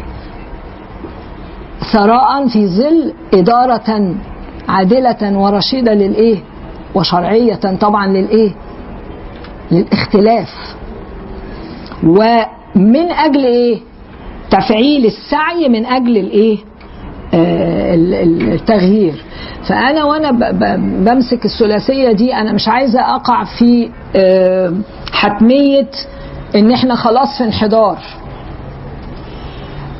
ولا أقع في حتمية آه، يعني العيش واللف في الماضي أو في التاريخ الظاهر ال- الزاهر المزدهر على أنه هو إيه؟ كان كل الحقيقة الذي أريد أن أستعيده كما هو أو أطبق أحكامه كما هو. ولكن وفقا لاجتهاد وتجديد من أجل تغيير واقع مأزوم ولكنه ليس حتمي لازم أؤمن بهذا أن ليس هذا الواقع المأزوم حتمي سواء على مستوى أوطاننا سواء على مستوى العلاقات بين مكونات الأمة التجزئة والصراعات والحروب و... وتغليب المصالح القطرية ولا القومية ولا الضيقة اللي هي أصلا مصلحة نظم وحكام وليست مصلحة آه، شعوب أو مصلحة عامة شرعية بكل معنى ال- الكلمة وفق مقاصد الشريعة. ها؟ آه، فطبعا يعني لو إحنا اشتغلنا مع بعض هنلاقي إن النموذج القرآني الكريم في كلياته وشموله ومنظوميته يؤكد أن التعدد والتنوع والاختلاف خلوا بالكم دي منظومة إيه؟ مصطلحات واحدة كل واحدة بتستدعي بعضها. التعدد نتيجة التنوع والتنوع يعني التمايز والخصوصية و- وليس التنميط ولا الأحادية ها؟ ولكن لا يعني التشرذم في نفس الوقت آه، لازم أن يكون في نطاق إطار جامعية وجمعية ووحدة آه، مصدر. آه، طبعا من أهم نماذج التعدد والتنوع وضوحا في القرآن ال ال ال ال الكريم ال- يعني آيات الله في خلقه للكون.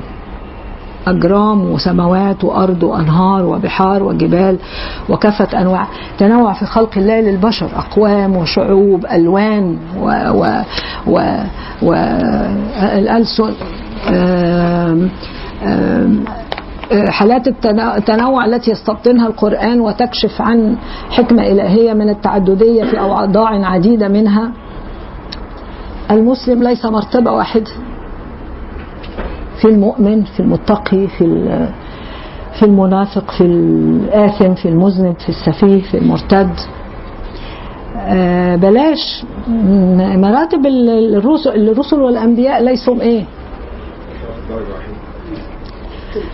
آه بالظبط آه مراتب المؤمنين حتى المؤمن في مراتب القاعدين والمجاهدين. مراتب المنافقين في في العلن وفي في السر. يعني أنا حاولت كده يعني من قراءتي على قدي في ال آه، في ال آه، آه، مستويات ودرجات درجات ال- الاجتماع البشري ابتداء من الفرد للجماعة للمجتمع للأمة. مراتب مثلا ال ال ال الإحسان. مراتب ال- النساء في القرآن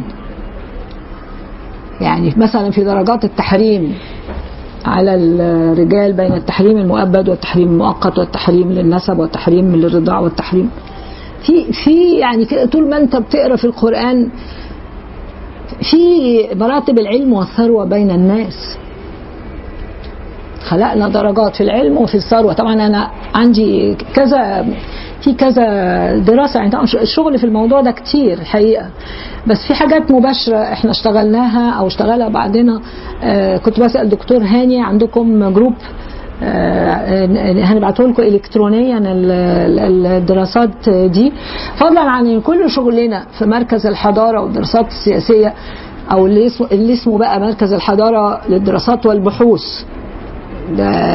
يعني شكل جديد بنطلع بيه بعد 20 سنة. مش شكل جديد ولا حاجة يعني هو عنوان جديد بس لأعتبارات إدارية يعني مش آه، شغلنا كله يعني تبص له من الزاوية دي تلاقيه يوصلك لقضية التعدد والتنوع العلاقات بين الدول الإسلامية العلاقات الإسلامية الإسلامية. تبص له من الزاويه دي تلاقيه يقودك إلى قضية الاستبداد والعلاقة بين الحاكم والمحكوم.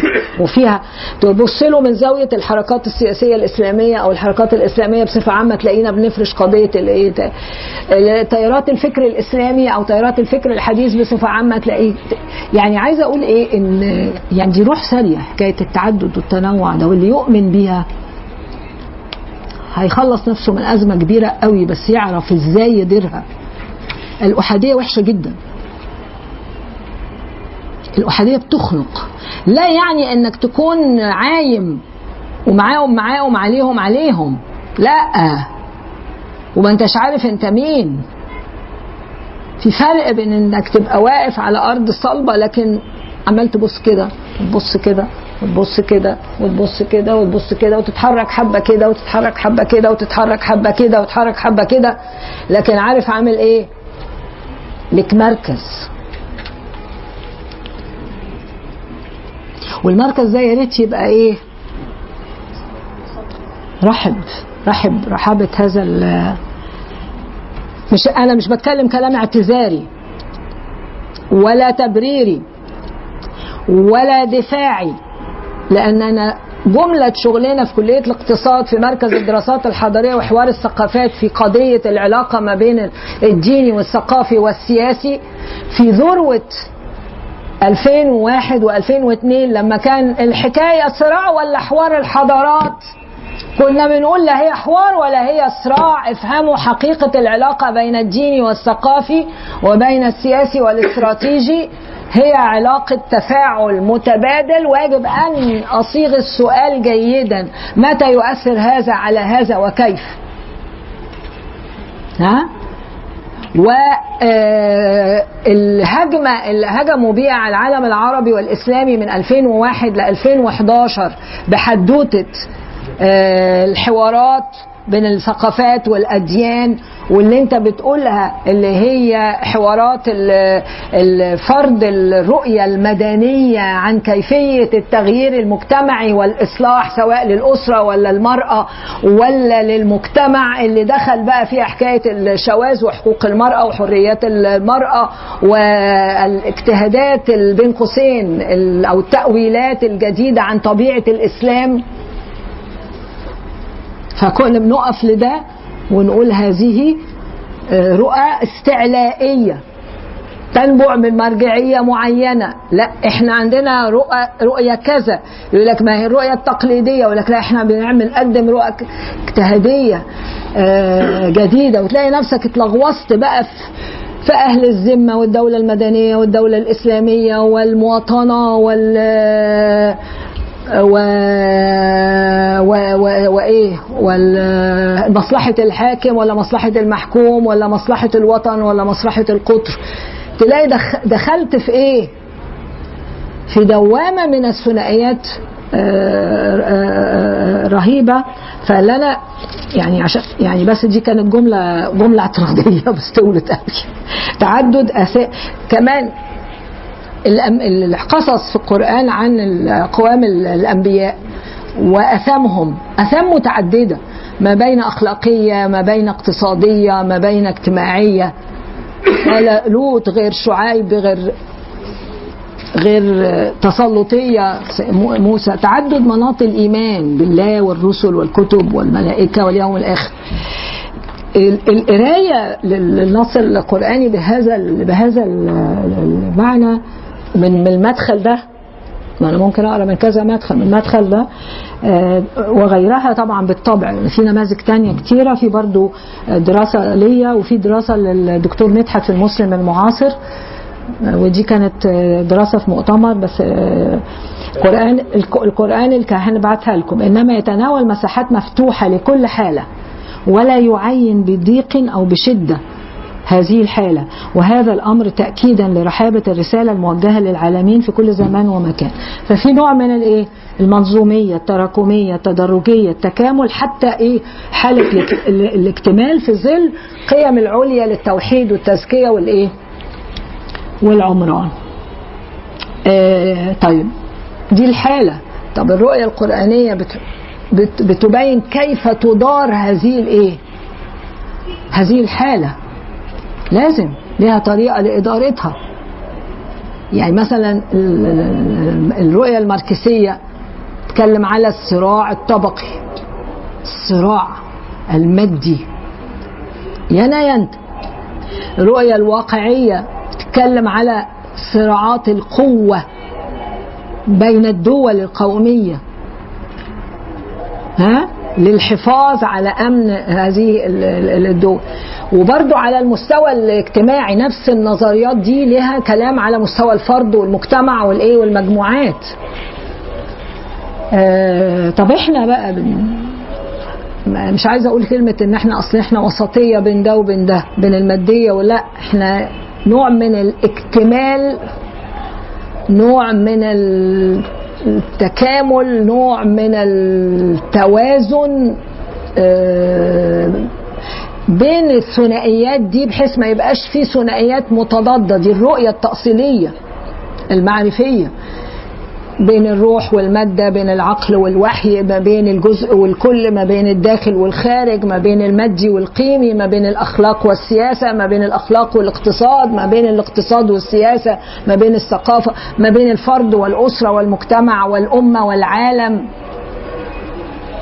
الرؤية الكلية دي اللي هي يعني مش عايزه أقول إنسانية لأن معاني الإنسانية مختلفة. إنسانية رحبه قوي. لا تعني إن أنا يعني تعالى يا عم أنت مين ولا مش مين لأ. تعني إن أنا أعرف أدير هذا الأمر إزاي لتحقيق التوازن ووضع قانون لإدارة الاختلاف. ولذا؟ ودي بقى نقطة مهمة قوي. منظومة الكلام عن التعدد والتنوع والاختلاف بترتبط بترتبط بيها ده العشاء هيبدأ. آه عشان بس هنقفل الإزاز تاني بس لا مش هنقفله الدنيا حر. بترتبط بمنظومة تانية.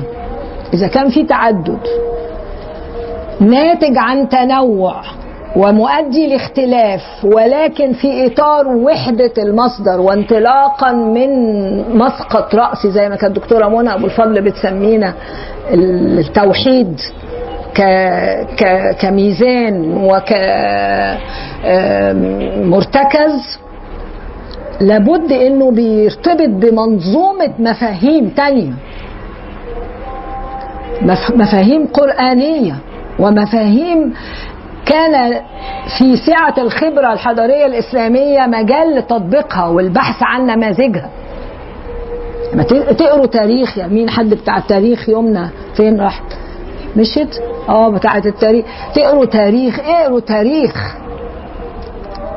ها؟ آه آه في في منظومة التعدد والتناول معنا ده لازم يبقى في تعارف ففي كلام في القرآن عن التعارف. مش الاعتراف. التعارف بين المختلفين. التعارف ده لابد أن يقود إلى الحوار. دكتور طه عبد الرحمن فيلسوف المغربي وده كتاب ادهوني مدحت الحقيقة من الدكتور مدحت من من المكتبة عندنا. عامل من منطلق فلسفي معرفي مقارن في في مفهوم الاختلاف والاختلاف الجيد والاختلاف السيء وكيف يدار ده بالحوار النفعي. ولا ال- الديبيت اللي هو الجدل أو المساجلة ولا التفاوض وإزاي بيصيغ رؤية إسلامية معرفية رحبة جدا عن كيف يكون الإنسان مؤمنا بالتعددية والإختلاف وقادر على إدارته انطلاقا من قيم الأخلاق بسميها الجهادية الأخلاقية.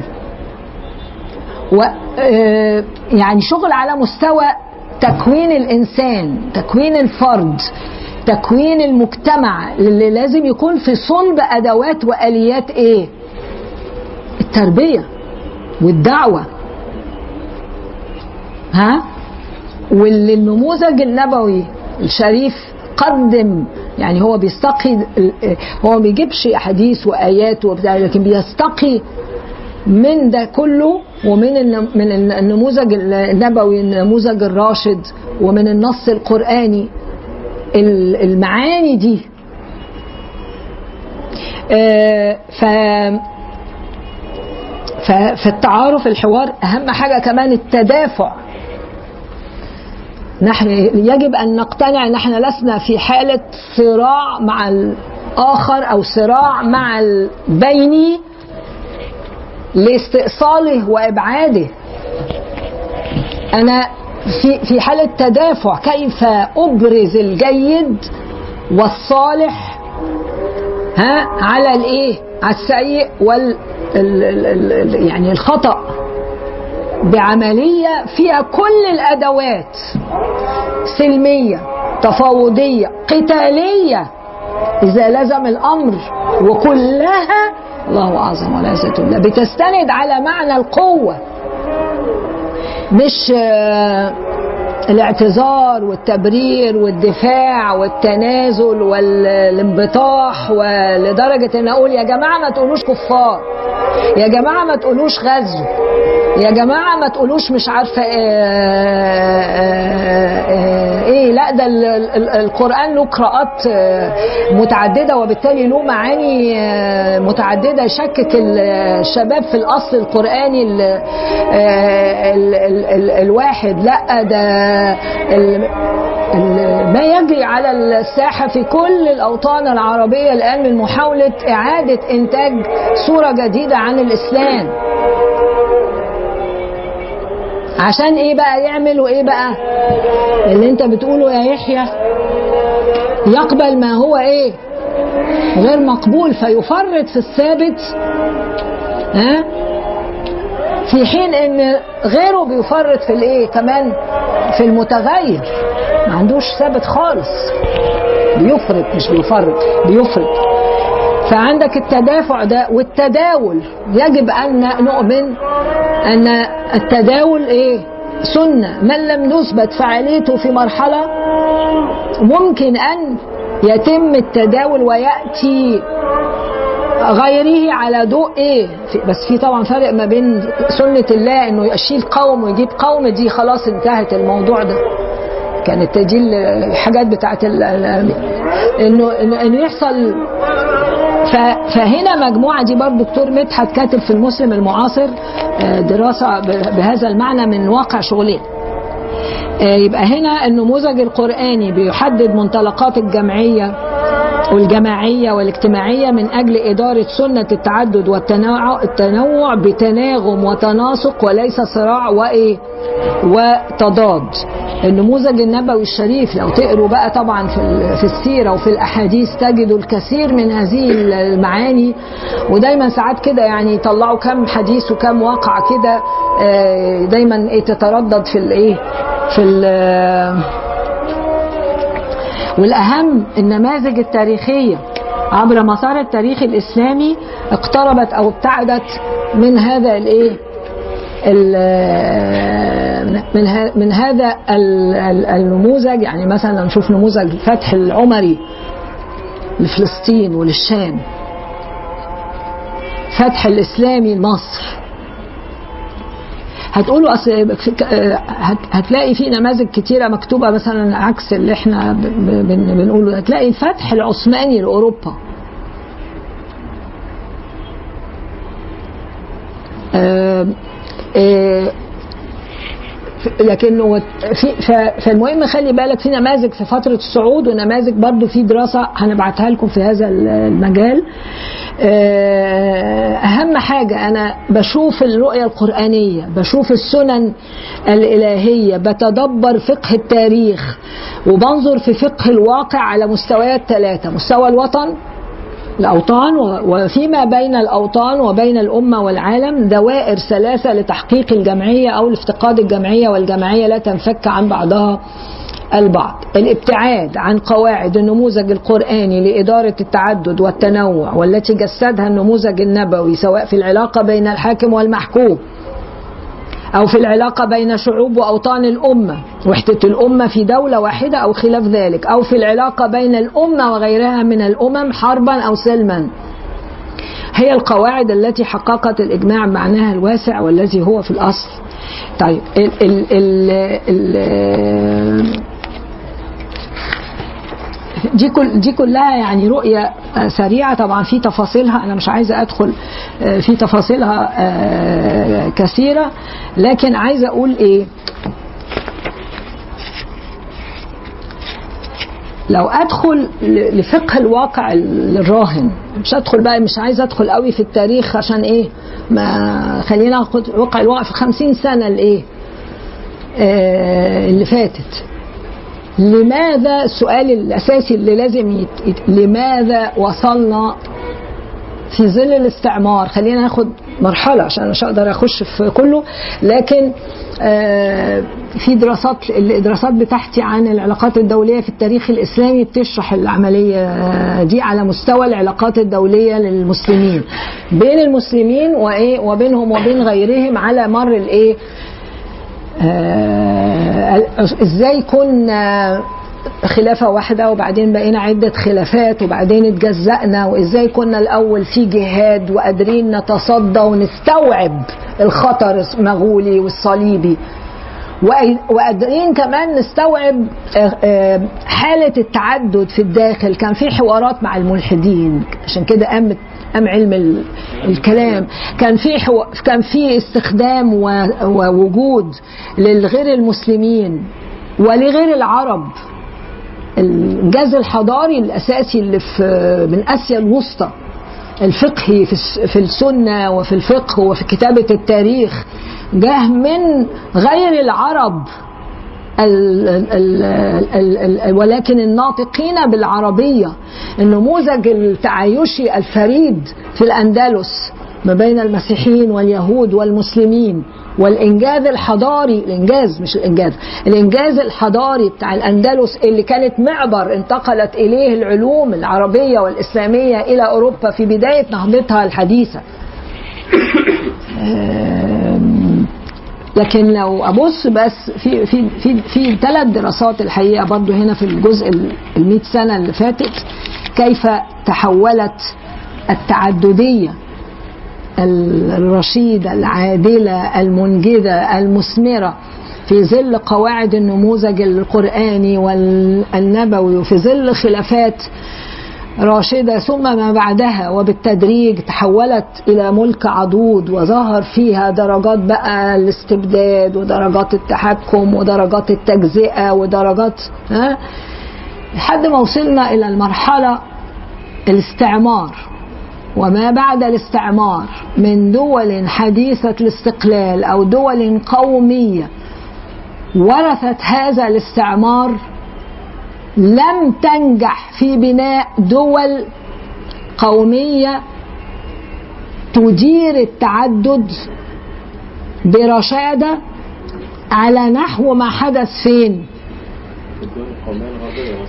في خبرة الدولة القومية في الغرب في منشأها الحديث. الدولة القومية في أوروبا وكانت مجمعة وقدرت تحط نظم قانونية وسياسية تدير التعدد السياسي والتعدد الثقافي بالتدريج بس في ظل إيه وخلوا بالكم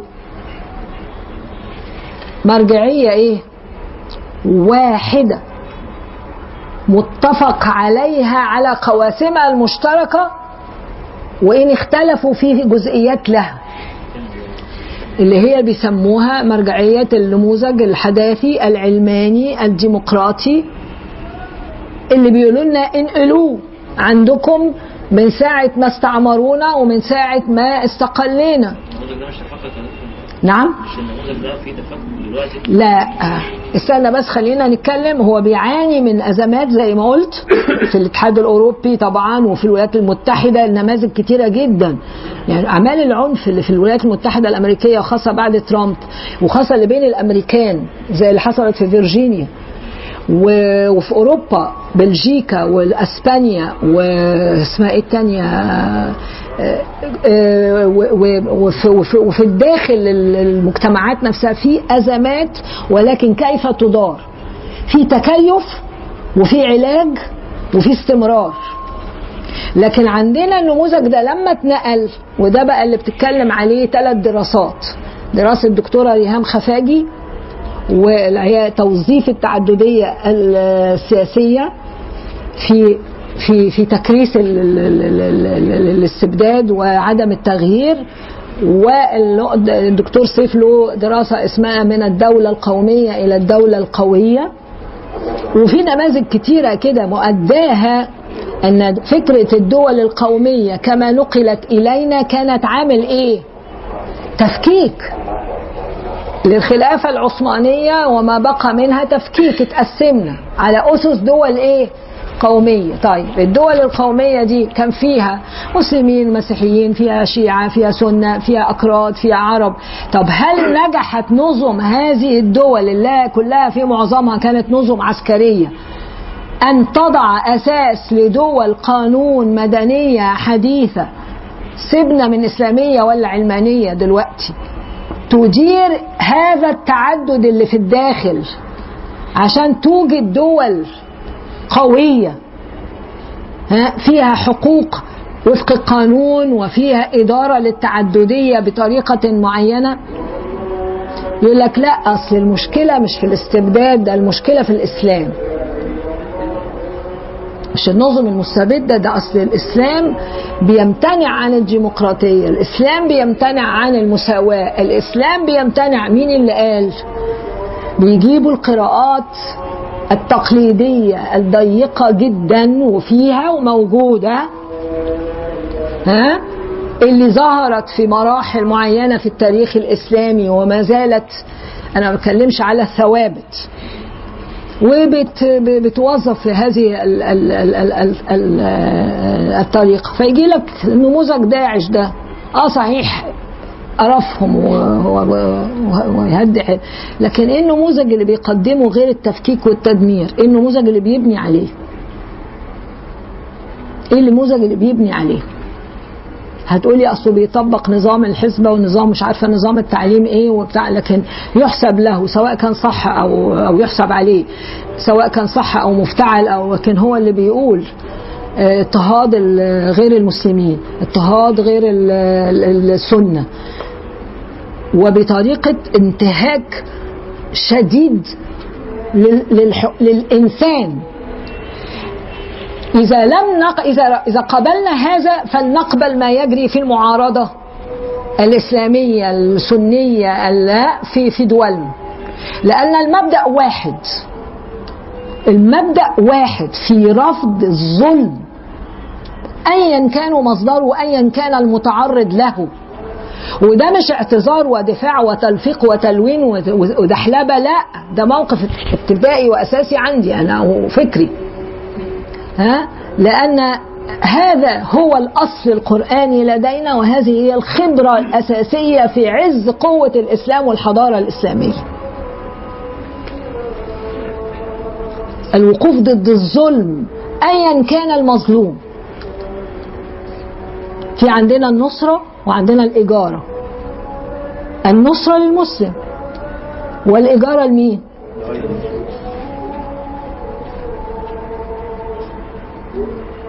ف وبقول من منطق القوة. هذه هذه الرؤية محتاجة قوة اقتصادية وقوة اجتماعية وقوة فكرية. مش من موقف ضعف مش مش فقه استضعاف. أو إن كان فقه الاستضعاف أحيانا. ففي في في الدراسة دي الدكتورة آه، ريهام بتتكلم بت- بتتكلم في مفهوم مهم قوي. إن الاستبداد المعاصر في منطقتنا الذي حول الدول القومية الحديثة المنقولة عن خبرة إلى دول توظف التعددية سواء السياسية سواء الدينية سواء المذهبية سواء القومية أيا كانت الحالة. شوفوا دارفور في السودان بيحصل فيها إيه شوفوا اليمن بيحصل فيها إيه شوفوا العراق حصل فيها إيه شوف سوريا. لاستمرار النظام واستمرار النخبة ذات المصالح وليس لصالح الش- الشعوب والأخطر انها توظف الدين في هذه العملية توظف الإسلام أيضا في هذه العملية فنجد إيه؟ شيوخ السلطان مستعدين. ها؟ يا إما عشان يكسبوا غير المسلم مع النظام يا إما عشان يضرب رافد من روافد المرجعية الإسلامية اللي ضد النظام. يعني على كله شغال. وده مش في مصر بس ده في ليبيا. ليهم شيوخهم دلوقتي حفتر وفي سوريا الاسد له شيوخه. وفي العراق وفي اليمن. فلما يجي يطلع يقول لك طب هو عن أي إسلام يتكلمون؟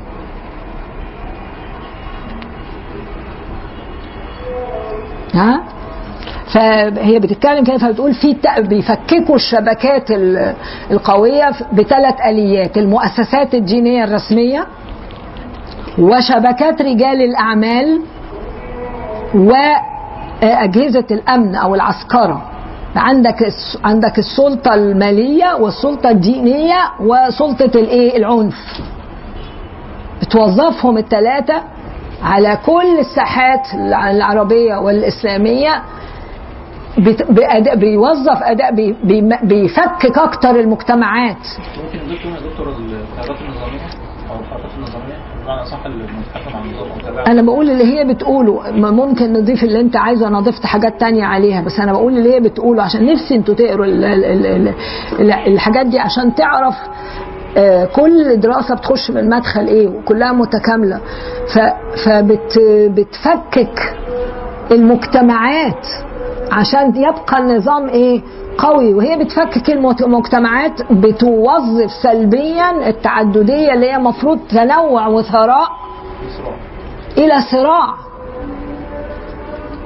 نماذج كثيرة اللي كاتباها أيضا آه، في آه، دراسة ممتازة للدكتور آه، سيف اسمها الأمة الإسلامية وعواقب الدولة القومية.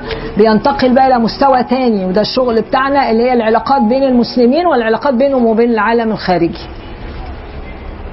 تع- تعدد آه آه، التعدد آه، أيوه التعدد آه، ما تقطعنيش عشان أنا بحاول أركز بسرعة جدا لأن الوقت خلص.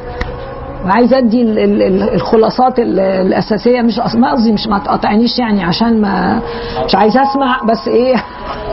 عشان أختم. لأني أنا ببذل مجهود عشان ف فيعني أسر ال- ال- الكلام الحالة دي. يعني مثلا حالة العلاقات بين المسلمين وبينهم وبين بعض. شايفين حالة العلاقات بين الدول العربية والإسلامية؟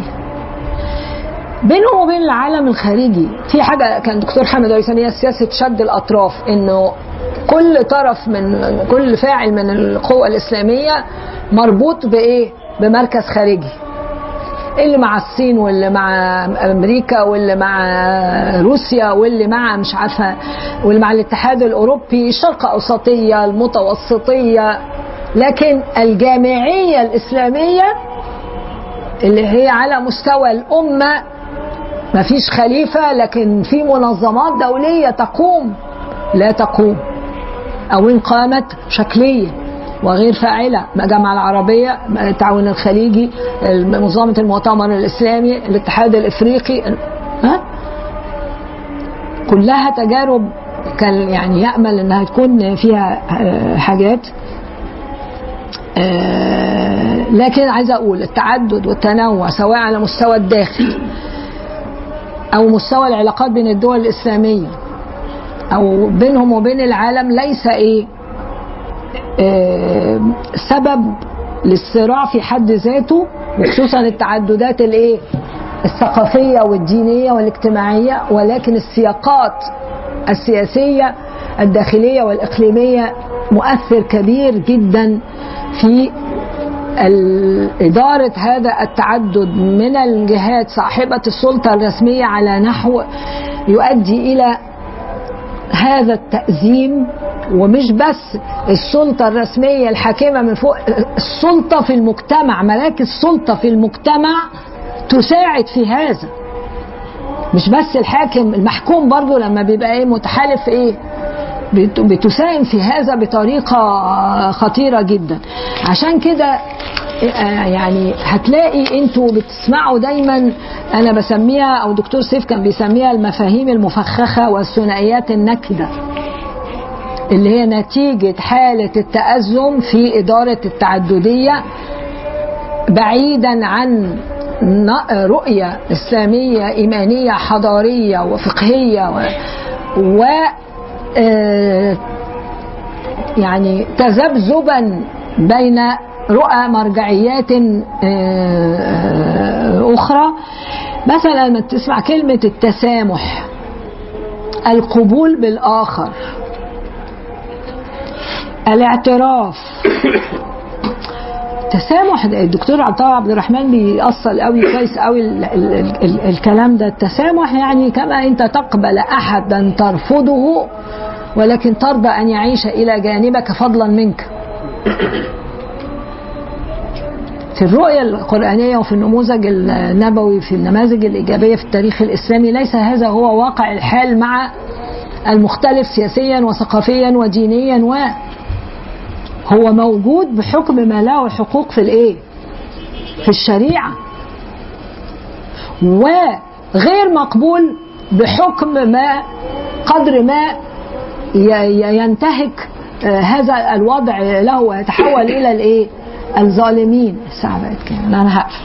آه، في حاجة يعني مثلا دايما يقول لك التعددية السياسية. التعددية الدينية. تلاقي برضو اتجاهات إسلامية تقول لك ما فيش حاجة اسمها تعددية سياسية. فقط مرجعية واحدة التي تحكم.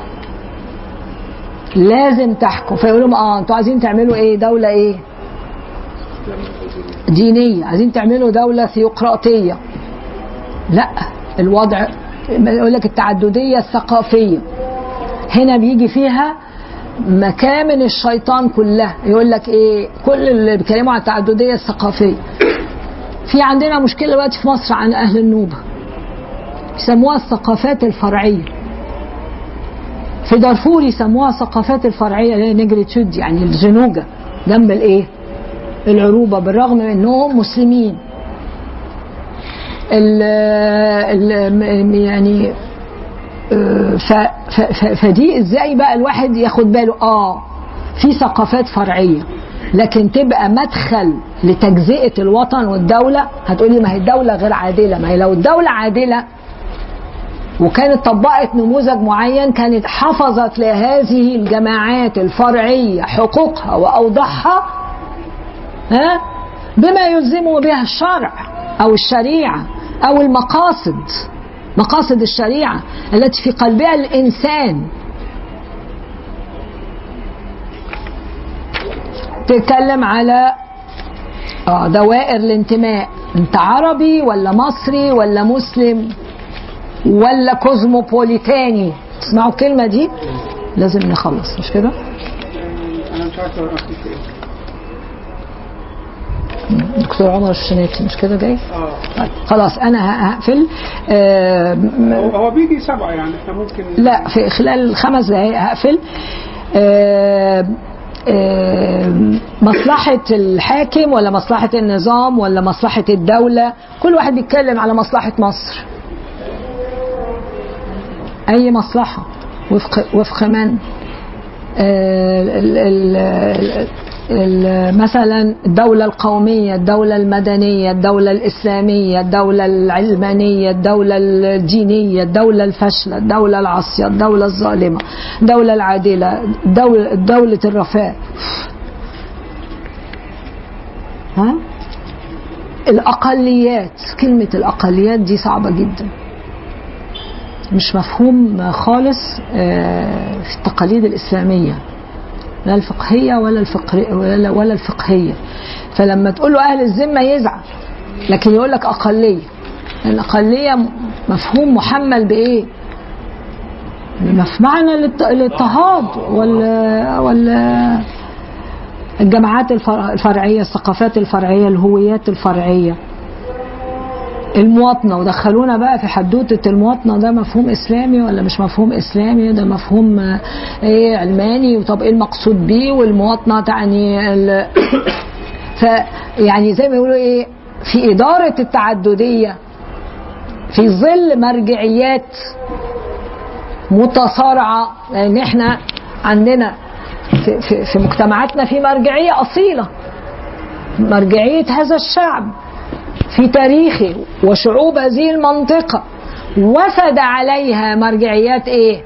دخيلة منذ أكثر من قرنين تنافسها وتريد استبعادها وتريد تشويهها وتريد استئصالها بأدوات وآليات مختلفة ازدواج التعليم إلغاء ال- التكوينات الاجتماعية الأصيلة في مجتمعاتنا زي الأوقاف والحزبه والطوائف اللي هي بتاعت المهن وال والحرف و اللي هي وبدلها لا اعملوا المجتمع المدني.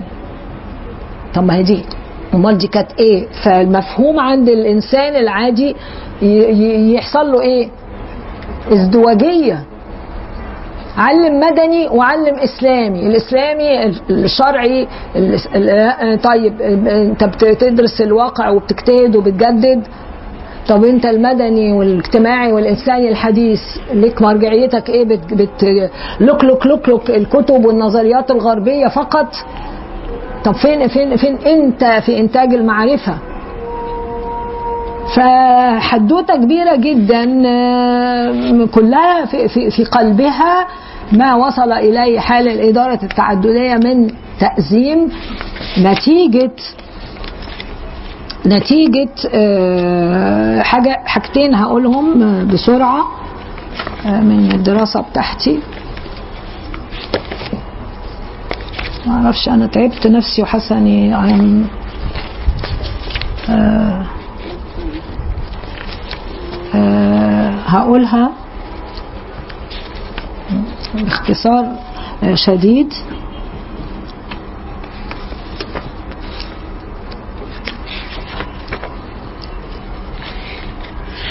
في هنا عند خمس مستويات من الأزمة التعددية. آه، أسبابها لا يظهر إن أنا مش عارفة راحت فين مني فمش مشكلة بقى. كان في الآخر بقى في الجزء ده. أوكي. آه. الاستقطابات والعصبيات تحت ضغط الجهل والفقر والطغيان والاستبداد. إعلاء المصالح الضيقة للحكام والنخب على المصالح الشرعية للأمة. اختلال يعني ليه توظيف التعددية أنتج هذه الأزمات وجعلها مثلب وليس ثراء. اختلال ميزان القوى العالمي على نحو تغلب معه النموذج الحضاري المقابل على العالم الإسلامي باعتباره النموذج الأصلح أو العالمي أو يحاول التغلب لم يتغلب. تصارع الإيديولوجيات العلمانية على القيادة والحكم في أوطاننا وتناوبها على الاستبداد وجعل الإسلامي من يعني غير طبيعي وليس من طبائع الأمور و مستهجن دائما بأكثر من شكل.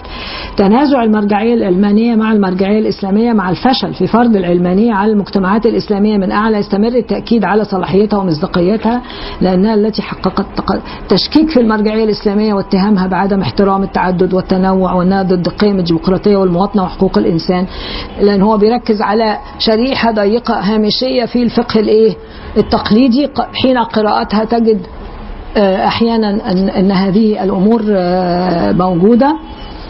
التشكيك في المرجعية وتشويه منظومة قيمها آه، توظيف المستبدين للإسلام ذاته في ظل تآكل الإجماع السياسي وعدم تمكين المجتمع الراشد الجهل والفقر والمرض بين الناس التي نالت من تمكين المجتمع وقيدت من فاعلية المرجعية كمصدر لمراقبة وغيرها من الأمور التي لابد من العمل بطرق مختلفة لضرورة سعادة الوعي الجمعي بالمنهج والميزان. آه، مكتوبة حاجات كتيرة طبعا أنا مش هقدر آه، أتكلم فيها دلوقتي عشان الوقت ويعني أتأمل إن أنا أكون آه، يعني حاولت إن أنا أدي آه، صورة آه، سريعة عن ماهية قضية التعددية والتنوع آه، في واقعها وكيف يمكن الاقتراب منها من رؤية تأصيلية إسلامية حضارية ولماذا يجب هذا في هذه الآونة الراهنة؟ نحن في حالة تأزم شديدة. في إدارة التنوع والاختلاف والتعدد وصلت إلى زي ما فاطمة قالت إلى العلاقة ما بين إيه؟ ال ال ال الأجيال. آه والله أعلم وشكرا على استماعكم ولو في وقت أنا مستعدة للأسئلة لو ما فيش وقت يبقى ممكن نلتقي آه مرة تانية. آه هبعت لكم على ال- المجموعة إذا كان لكم جروب القراءات آه، دي مع قائمة تانية بالقراءات الممكنة. ولو في أي أسئلة عن طريق برضو الجروب ممكن تتبعت لمركز الحضارة للدراسات والبحوث. وأعدكم أنني سأجيب عليها كتابة. تمام؟ شكرا. شكرا يا دكتور هاني. شكرا جزيلا على هذا اللقاء. اللي أنا اتكلمت فيه أكتر ما هم اتكلموا بس مش عارفة هو إن شاء الله في ده استبداد على فكرة. يكون لا إن شاء الله يكون في ده عدم احترام لل... بس أنا حاولت سمعتكم ساعة في الأول. إحنا إحنا هنخلي, هنخلي حجتنا بقى إن في ناس ما اتكلمتش عشان حضرتك تشرفينا مرة ثانية قوي قوي قوي تحت أمركم في أي وقت إن شاء الله. وشكرا لكم و... وأتمنى إن إحنا ت... مكتبة مركز الحضارة للدراسات والبحوث آه، موجودة. وفي كمان مكتبة آه، مركز الدراسات الحضارية وحوار الثقافات في كلية الاقتصاد والعلوم السياسية مركز اللي أنا أسسته أدارته عشر سنين و... واستمر بعد بعد يعني لحد 2013 لحد ما يعني اتضم في مركز تاني. أصدر حوالي 30 إصدار في إشكالية العلاقة ما بين الثقافات والحضارات والأديان في ظل السياق الدولي القائم ووضع الأمة الإسلامية في النظام الدولي. هذه الكتب موجودة عندنا أيضا في مركز الحضارة للدراسات والبحوث. آه، بيتفضل الدكتور هاني وبيساعدنا برضو فيه.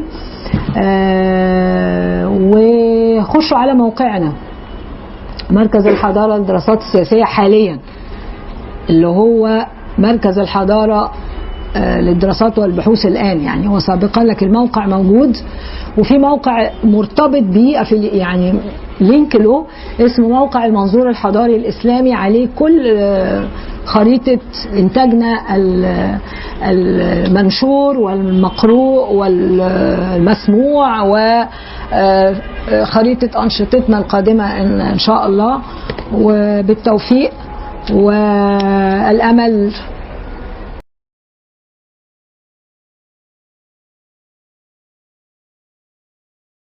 هو الذي بعث في الأمي